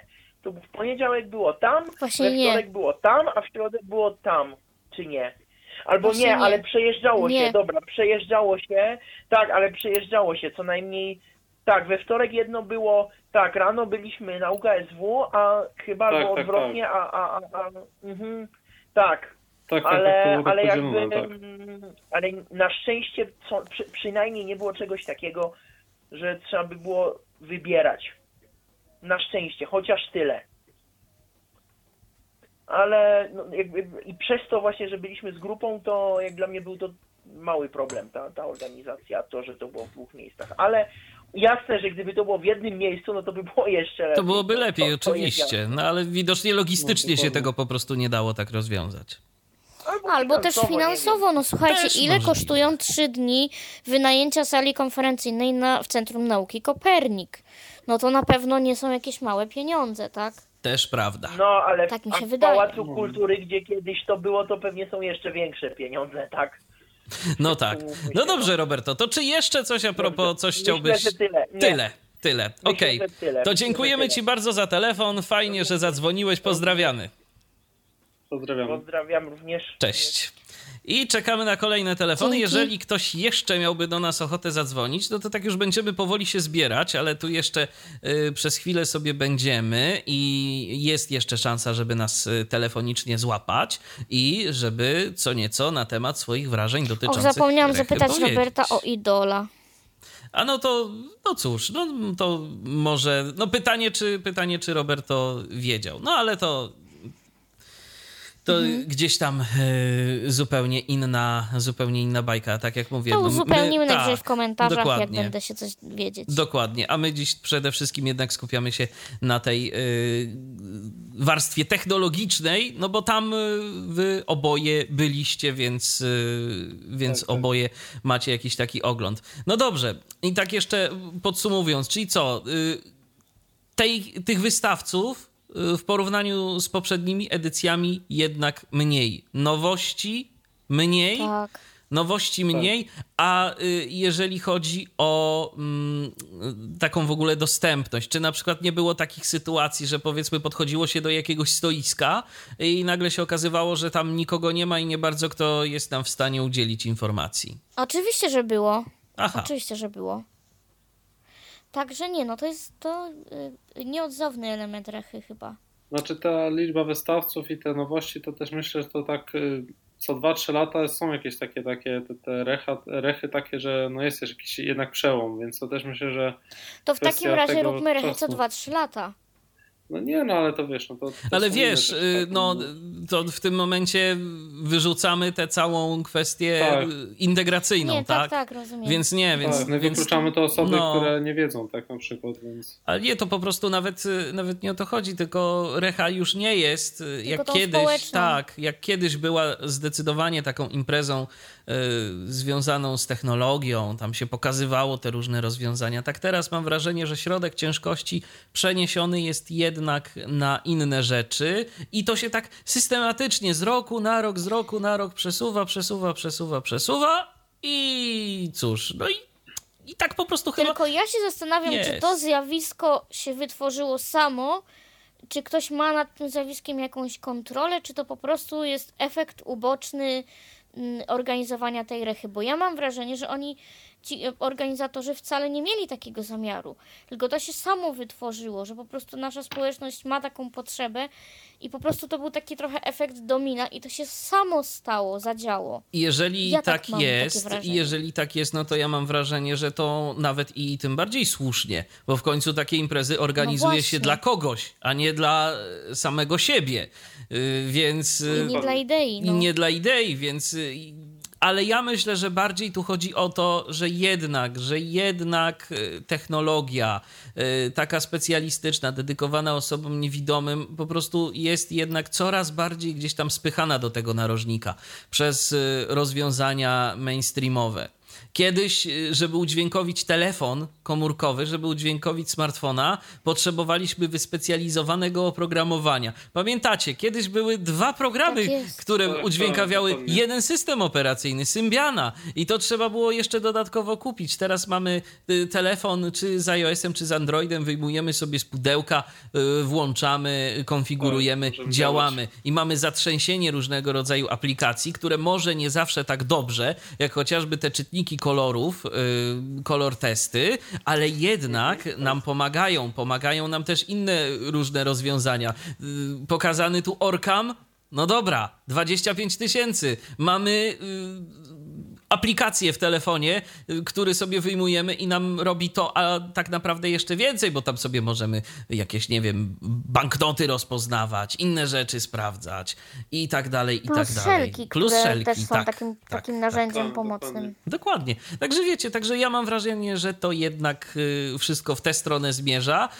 Y, z punktu, z naszego punktu widzenia, to chyba dobrze, z, nasze, z punktu widzenia naszego portfela.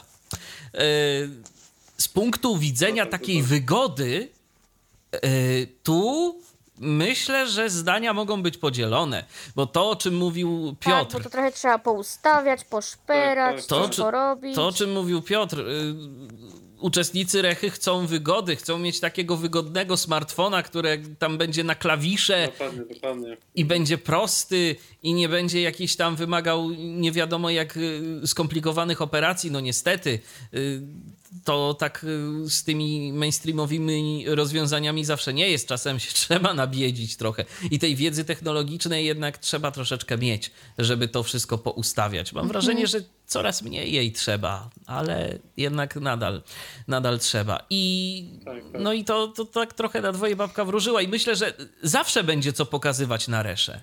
Bo to nie będzie tak, te technologie, No, tak, tak, wiecie, no chociażby linijki brajlowskie, no Mhm. raczej bez szans, żeby, kto, żeby ktokolwiek y, z mainstreamu y, się wziął przynajmniej w takim możliwie przewidywalnym czasie za linijki brajlowskie. Ja tego nie widzę za bardzo, ale No, no ale co? Ale będą y, Jednym słowem po prostu warto. I Dokładnie. dobrze, że są, Dobrze, jest ta że jest. konferencja. Pewnie, pewnie. I niech ona sobie jest, niech będzie alternatywą. Y, I, I niech służy dwojako, tak? Właśnie i jako taki społeczny element. O, jak to Dokładnie. zabrzmiało. Ale no, a, a i też jako właśnie taki rodzaj wsparcia technologicznego. Oczywiście, Co że kto tak. z tego będzie chciał wziąć, to sobie weźmie. My tu sobie tak trochę A, zawsze narzekamy, no. zawsze coś tego, ale tak naprawdę zawsze. Nie, no to też właśnie dobrze. zawsze wyciągamy takie, zawsze wyciągamy na koniec takie wnioski, że fajnie, że jest Starecha, że po prostu, że ludzie mogą się spotkać, mogą sobie pogadać, mogą zobaczyć y, ludzi, których nie widzieli od y, dawien dawna, bo na przykład uczyli się w tym samym ośrodku, a teraz gdzieś tam los ich rzucił na dwa y, końce Polski. I, I to jest bardzo fajne, że coś takiego jest. Tymczasem mamy kolejny telefon. Kto jest z nami tym razem? Halo? Dzień, dobry wieczór, to jeszcze raz Marcin z tej strony. Dobry ja wieczór, Marcinie. do ostatniego tematu, czyli poruszanie tych wszystkich e, mm, wys, e, tych rozwiązań, które były na wystawie. E, Jednak byłbym za tym, żeby e, szansa się zmobilizowała i na przykład zaczęła pokazywać produkty, które są e, dla wszystkich odbiorców, typu jakieś, nie wiem, telewizory Samsung czy inne rozwiązania. Zaczęła współpracować z tymi e, firmami, ponieważ no, nie wszyscy, e, szczególnie jak e, nie, nie wszyscy niewidomi mają do, do czynienia z, mogą sobie zobaczyć technologię, a na takiej wystawie mogliby sobie prezentować nawet te popularne. e, A Marcinie, to ja się, marki. ja się oczywiście z tobą zgadzam, że to by było idealne rozwiązanie, tylko jakby ja mówiłem w tym kontekście, że prawdopodobnie, że dlaczego tego nie robią, tak? Dlaczego to nie jest robione? Chociaż też nie do końca, chociaż też nie nie do końca, słuchajcie. Wiecie, co mi się przypomniało? Też y, nie było już tej firmy chyba, przynajmniej żadne z was o niej nie wspomniało.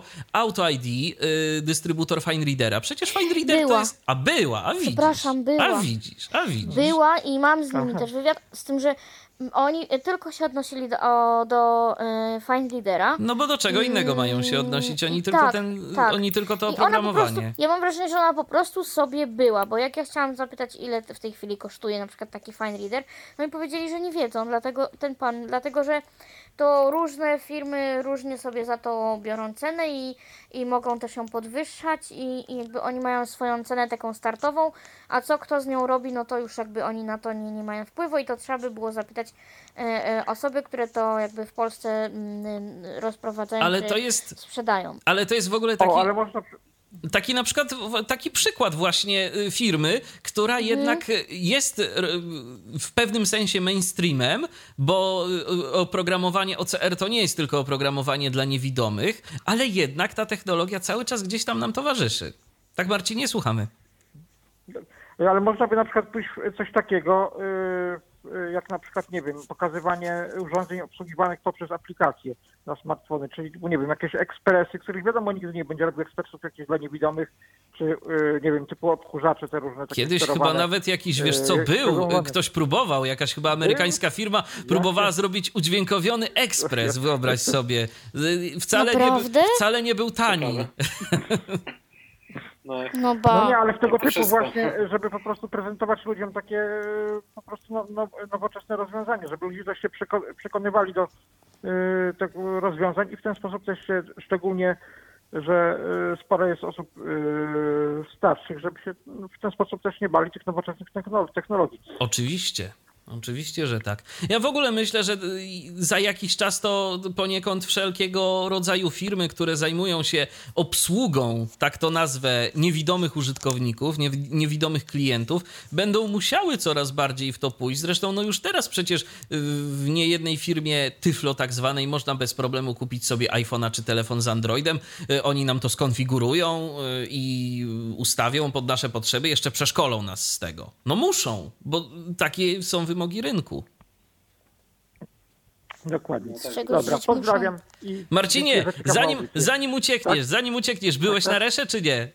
Bo się Nie, rozłączyłeś. nie byłem. Ja byłem trzy lata temu po raz ostatni i ponieważ głównie mnie interesuje tak zwana działka technologiczna, ponieważ sam uczę trochę osoby y, z dysfunkcją wzroku podstaw obsługi komputera, więc Mhm. ta działka technologiczna mnie ba- bardziej interesuje i nie, byłem, bo tak jak mówiliście już... Coraz mniej tej technologii. audycji, komentarzy i rzeczywiście coraz mniej tej technologii, ale cieszę się jednocześnie, że rzeczywiście ma, e, że Recha ma wydźwięk taki społeczny, y, bo y, tak jak rozmawiam z osobami, które uczę czasami, czy nawet spoza Warszawy, które były, to one są bardzo zadowolone z tego yy, odbioru, tego odbioru społecznego. Ich nawet sama technologia nie za bardzo interesuje, bo ich tam im wystarczy sam komputer i jakiś ewentualnie prosta komórka do obsługi. No właśnie. Yy, A, a, a, a ten wydźwięk społeczny, że mogą sobie spotkać się z innymi, pogadać, pośmiać się, pożartować, czy nawet yy, zobaczyć, jak sobie, jak ci niewidomi yy, poruszają, poczuć, poczuć się tak związani grupowo, że są jakby no, akceptowani.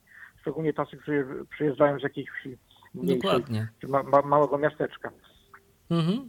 Także No to jasne. jest tak bardzo potrzebne. Ja, Oczywiście, byłem że tak, tak. bardzo, bardziej negatywnie nastawiony, ale, ale odkąd tak zacząłem bardziej uczyć y, takie osoby y, właśnie, które są mniej oblatane technologicznie, to, dostrzegłem ten walor społeczny. Ja powiem szczerze i to i o i bardzo mądrą rzecz powiedziałeś w tym momencie. Ja polecam każdemu, kto jest tak y, bardzo negatywnie nastawiony do różnego rodzaju różnych y, akcji takich y, pro, dotyczących osób niewidomych, jakichś takich y, typowo do nas skierowanych. Ja naprawdę gorąco polecam, żeby kiedyś miał okazję pouczyć y, osoby niewidome i zobaczyć, jakie są różne historie y, tych ludzi i z jakimi oni czasem y, problemami się muszą zmagać na co dzień, gdzie wzrok to jest tak naprawdę tylko jedny, jeden z tych problemów, a niekiedy za tym się ciągnie mnóstwo różnych innych rzeczy i wtedy naprawdę optyka się zmienia. Oczywiście, i... chociażby problemy rodzinne, niezrozumienie tak, tych tak, tak. osób. I to jest, to są bardzo, to, to o tym można gadać godzinami, ale nie o tym ta audycja. Dzięki Marcinie, dzięki Marcinie za telefon. Pozdrawiamy Dzięki, serdecznie. pozdrawiam. Trzymaj się, hej.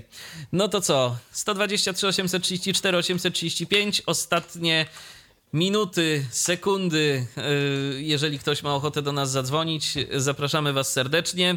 To moje pytanie, no yy, Piotrze, ty zapewne w przyszłym roku też się pojawisz na Resze, yy, pewnie gdzieś tam No, pewnie, również pewnie na tak. stoisku. A ty, Kasiu, wybierasz się za rok? Nie wiem, troszkę mi trudno powiedzieć, jeśli mi uczelnia pozwoli, to myślę, że tak. Mhm. Ale no nie chciałabym tutaj się jakoś tak deklarować, że ktoś mi później rozliczy, e, miałaś być, a cię nie było, a w Tyflo Podcaście ja ci teraz dam tu dowód, że mówiłaś, że będziesz. Nie, nie wiem, chciałabym, ale nie wiem. Rozumiem. Naprawdę. No zobaczymy, zobaczymy. W każdym razie mm, tak y, wyglądała ta warstwa technologiczna e, Rechy tegorocznej. Y, Z fundacji to na pewno wiem, że były też koło bajki. E, Te takie książeczki sensoryczne dla osób niewidomych, dotykowe, gdzie właśnie jest jakaś bajka i jest taki malutki, króciutki tekstik w brajlu i w czarnym druku i oprócz tego jest właśnie cały taki obrazek przedstawiony. mm, e, Takie, nie wiem, tam jakieś tam ruszające się elementy tego obrazka, różne faktury. To też jest bardzo fajne dla takich dzieci, które, które są niewidome. Mm, No i tak, wiem, ale koło było, bajki to ale- już też y, coś, co, co było już kiedyś, tak? I y, po prostu pewnie jakieś tak, nowe były. Tak, No myślę, że tak, tylko że właśnie najpierw chciałam się skupić na technologicznych i potem oni mi już uciekli, bo ich nie było w drugi dzień. To Mhm. też jest właśnie takie, tak, na to też chciałam zwrócić uwagę. Y, że dlaczego, znaczy y, fajnie by było, gdyby się określały te firmy, w który dzień one będą, a w który nie. Jeżeli na przykład dostajemy harmonogram programu, to niech będzie gdzieś w nawiasach zaznaczone ta i ta konkretna firma będzie w ten i ten konkretny dzień. Bo właśnie ja miałam taką sytuację, że powiem, a no dobrze, to ja jeszcze przyjdę e, później, bo najpierw chcę zrobić technologiczne, a mnie interesowała powiedzmy jakaś tam rzecz. I potem już niestety ta, ta rzecz mi uciekła i, i nie była dostępna dla mnie i już nie miałam na to wpływu. I to też właśnie fajna taka uwaga dla organizatorów, jakbyście Państwo mogli po prostu pisać, które firmy będą w który dzień i a, a które firmy nie będzie, których no, właśnie wiem, w jakichś takich nawet y, y, krótkich y, nawiasach, że od, te, od nie wiem, w tym i w tym dniu będzie taka i taka firma, a w tym i w tym nie. Bardzo by to ułatwiło. No tak, żeby ktoś sobie mógł zaplanować No, jakąś tak, taką tak. ścieżkę. Bo szczególnie, oczywiście. tak, bo szczególnie jeżeli ktoś jeszcze ma zamiar obejrzeć e, różnego rodzaju wykłady, prelekcje, czy się gdzieś tam pointegrować, to no może jeden dzień nie starczyć na wszystko, a nawet na pewno nie starczy na wszystko. Także wtedy można sobie coś Dlatego też, poplanować. że tam są kolejki, że są na przykład stoiska, w których nie ma kolejek, a są stoiska oblegane, w których są kolejki i musisz wystać swoje żeby y, się, do, do, że tak powiem, no, dostać. I potem bywa tak, że już ci jakby nie starcza dnia, bo czekałeś długo w kolejce do jakiegoś tam i potem się okazuje, że ktoś się zmywa i już no, jakby nie ma szans na, na, na, na eksplorowanie jakby jakiejś tam innej firmy czy instytucji, tak? No bo ta, tej, tej, tej, Bo tego mm, po prostu już nie ma. tej, tej, tego podmiotu nie ma, tak. No, dokładnie. Jasne. No cóż, no tak to, tak to jest. Y, Są różnego rodzaju mm, cienie i blaski mm, konferencji Tak, Recha. ale o warto, na pewno warto. Warto, tak, tak. Także- Na pewno nikogo... Bo ja znowu popsułam tak jak we wtorek i znowu z e, optymistycznego. Nie, no, na pewno No, ja nikogo, psuja na pewno jestem. nigdy, na pewno nigdy nikogo nie zniechęcaliśmy do rechy i nie będziemy zniechęcać, wręcz przeciwnie, będziemy zachęcać, żeby się pojawić, żeby zobaczyć, żeby sprawdzić, y, co tam ciekawego. Może sobie tam czasem trochę ponarzekamy gdzieś na końcu, bo nasz naród tak generalnie ma, że sobie lubi ponarzekać, ale pochwalić też pochwalimy zawsze. Wiesz co, ja wiem, czy to jest narzekanie, ja po prostu zwracam na coś uwagę. Ja nie mówię, o Boże, no nie wiem, bez sensu, zupełnie nie. I nie, ja raczej zwracam uwagę na, na, na, na pewne jakieś tam może niedociągnięcia, jakieś tam aspekty, ale nie, ja bym nie powiedziała, że to jest jakieś narzekanie. O, i to Nie. jest optymistyczny akcent, i teraz w tym momencie myślę, że możemy zakończyć nasz dzisiejszy program. E, Dziś na temat e, wystawy e, towarzyszącej konferencji Recha for the Blind in Poland 2019 rozmawialiśmy, a rozmawiali dziś o tym moi dzisiejsi goście razem ze mną, Katarzyna Ślipek i Piotr Malicki. Dziękuję bardzo bardzo. serdecznie dziękuję, za Dziękuję, uwagę. dziękuję bardzo. I ja również dziękuję za Dobranoc. uwagę. Za jakiś czas e, w Tyflo Radiu, w Tyflo Podcaście również pojawią się materiały, które e, Kasia i Piotr Rakowski, którego z nami dziś niestety nie ma, nagrali w trakcie tej konferencji. W, kon- I tam na pewno wystawy. będzie więcej o fundacjach. Tak, i będzie więcej o fundacjach, i będzie czego posłuchać, także wypatrujcie, wyczekujcie, na pewno te materiały za czas jakiś się pojawią, po prostu trzeba je teraz y, pomontować w jedną całość. Ja również dziękuję za uwagę. Michał Dziwisz, kłaniam się. Do następnego spotkania na antenie Tyfloradia. Był to Tyflo Podcast. Pierwszy polski podcast dla niewidomych i słabowidzących.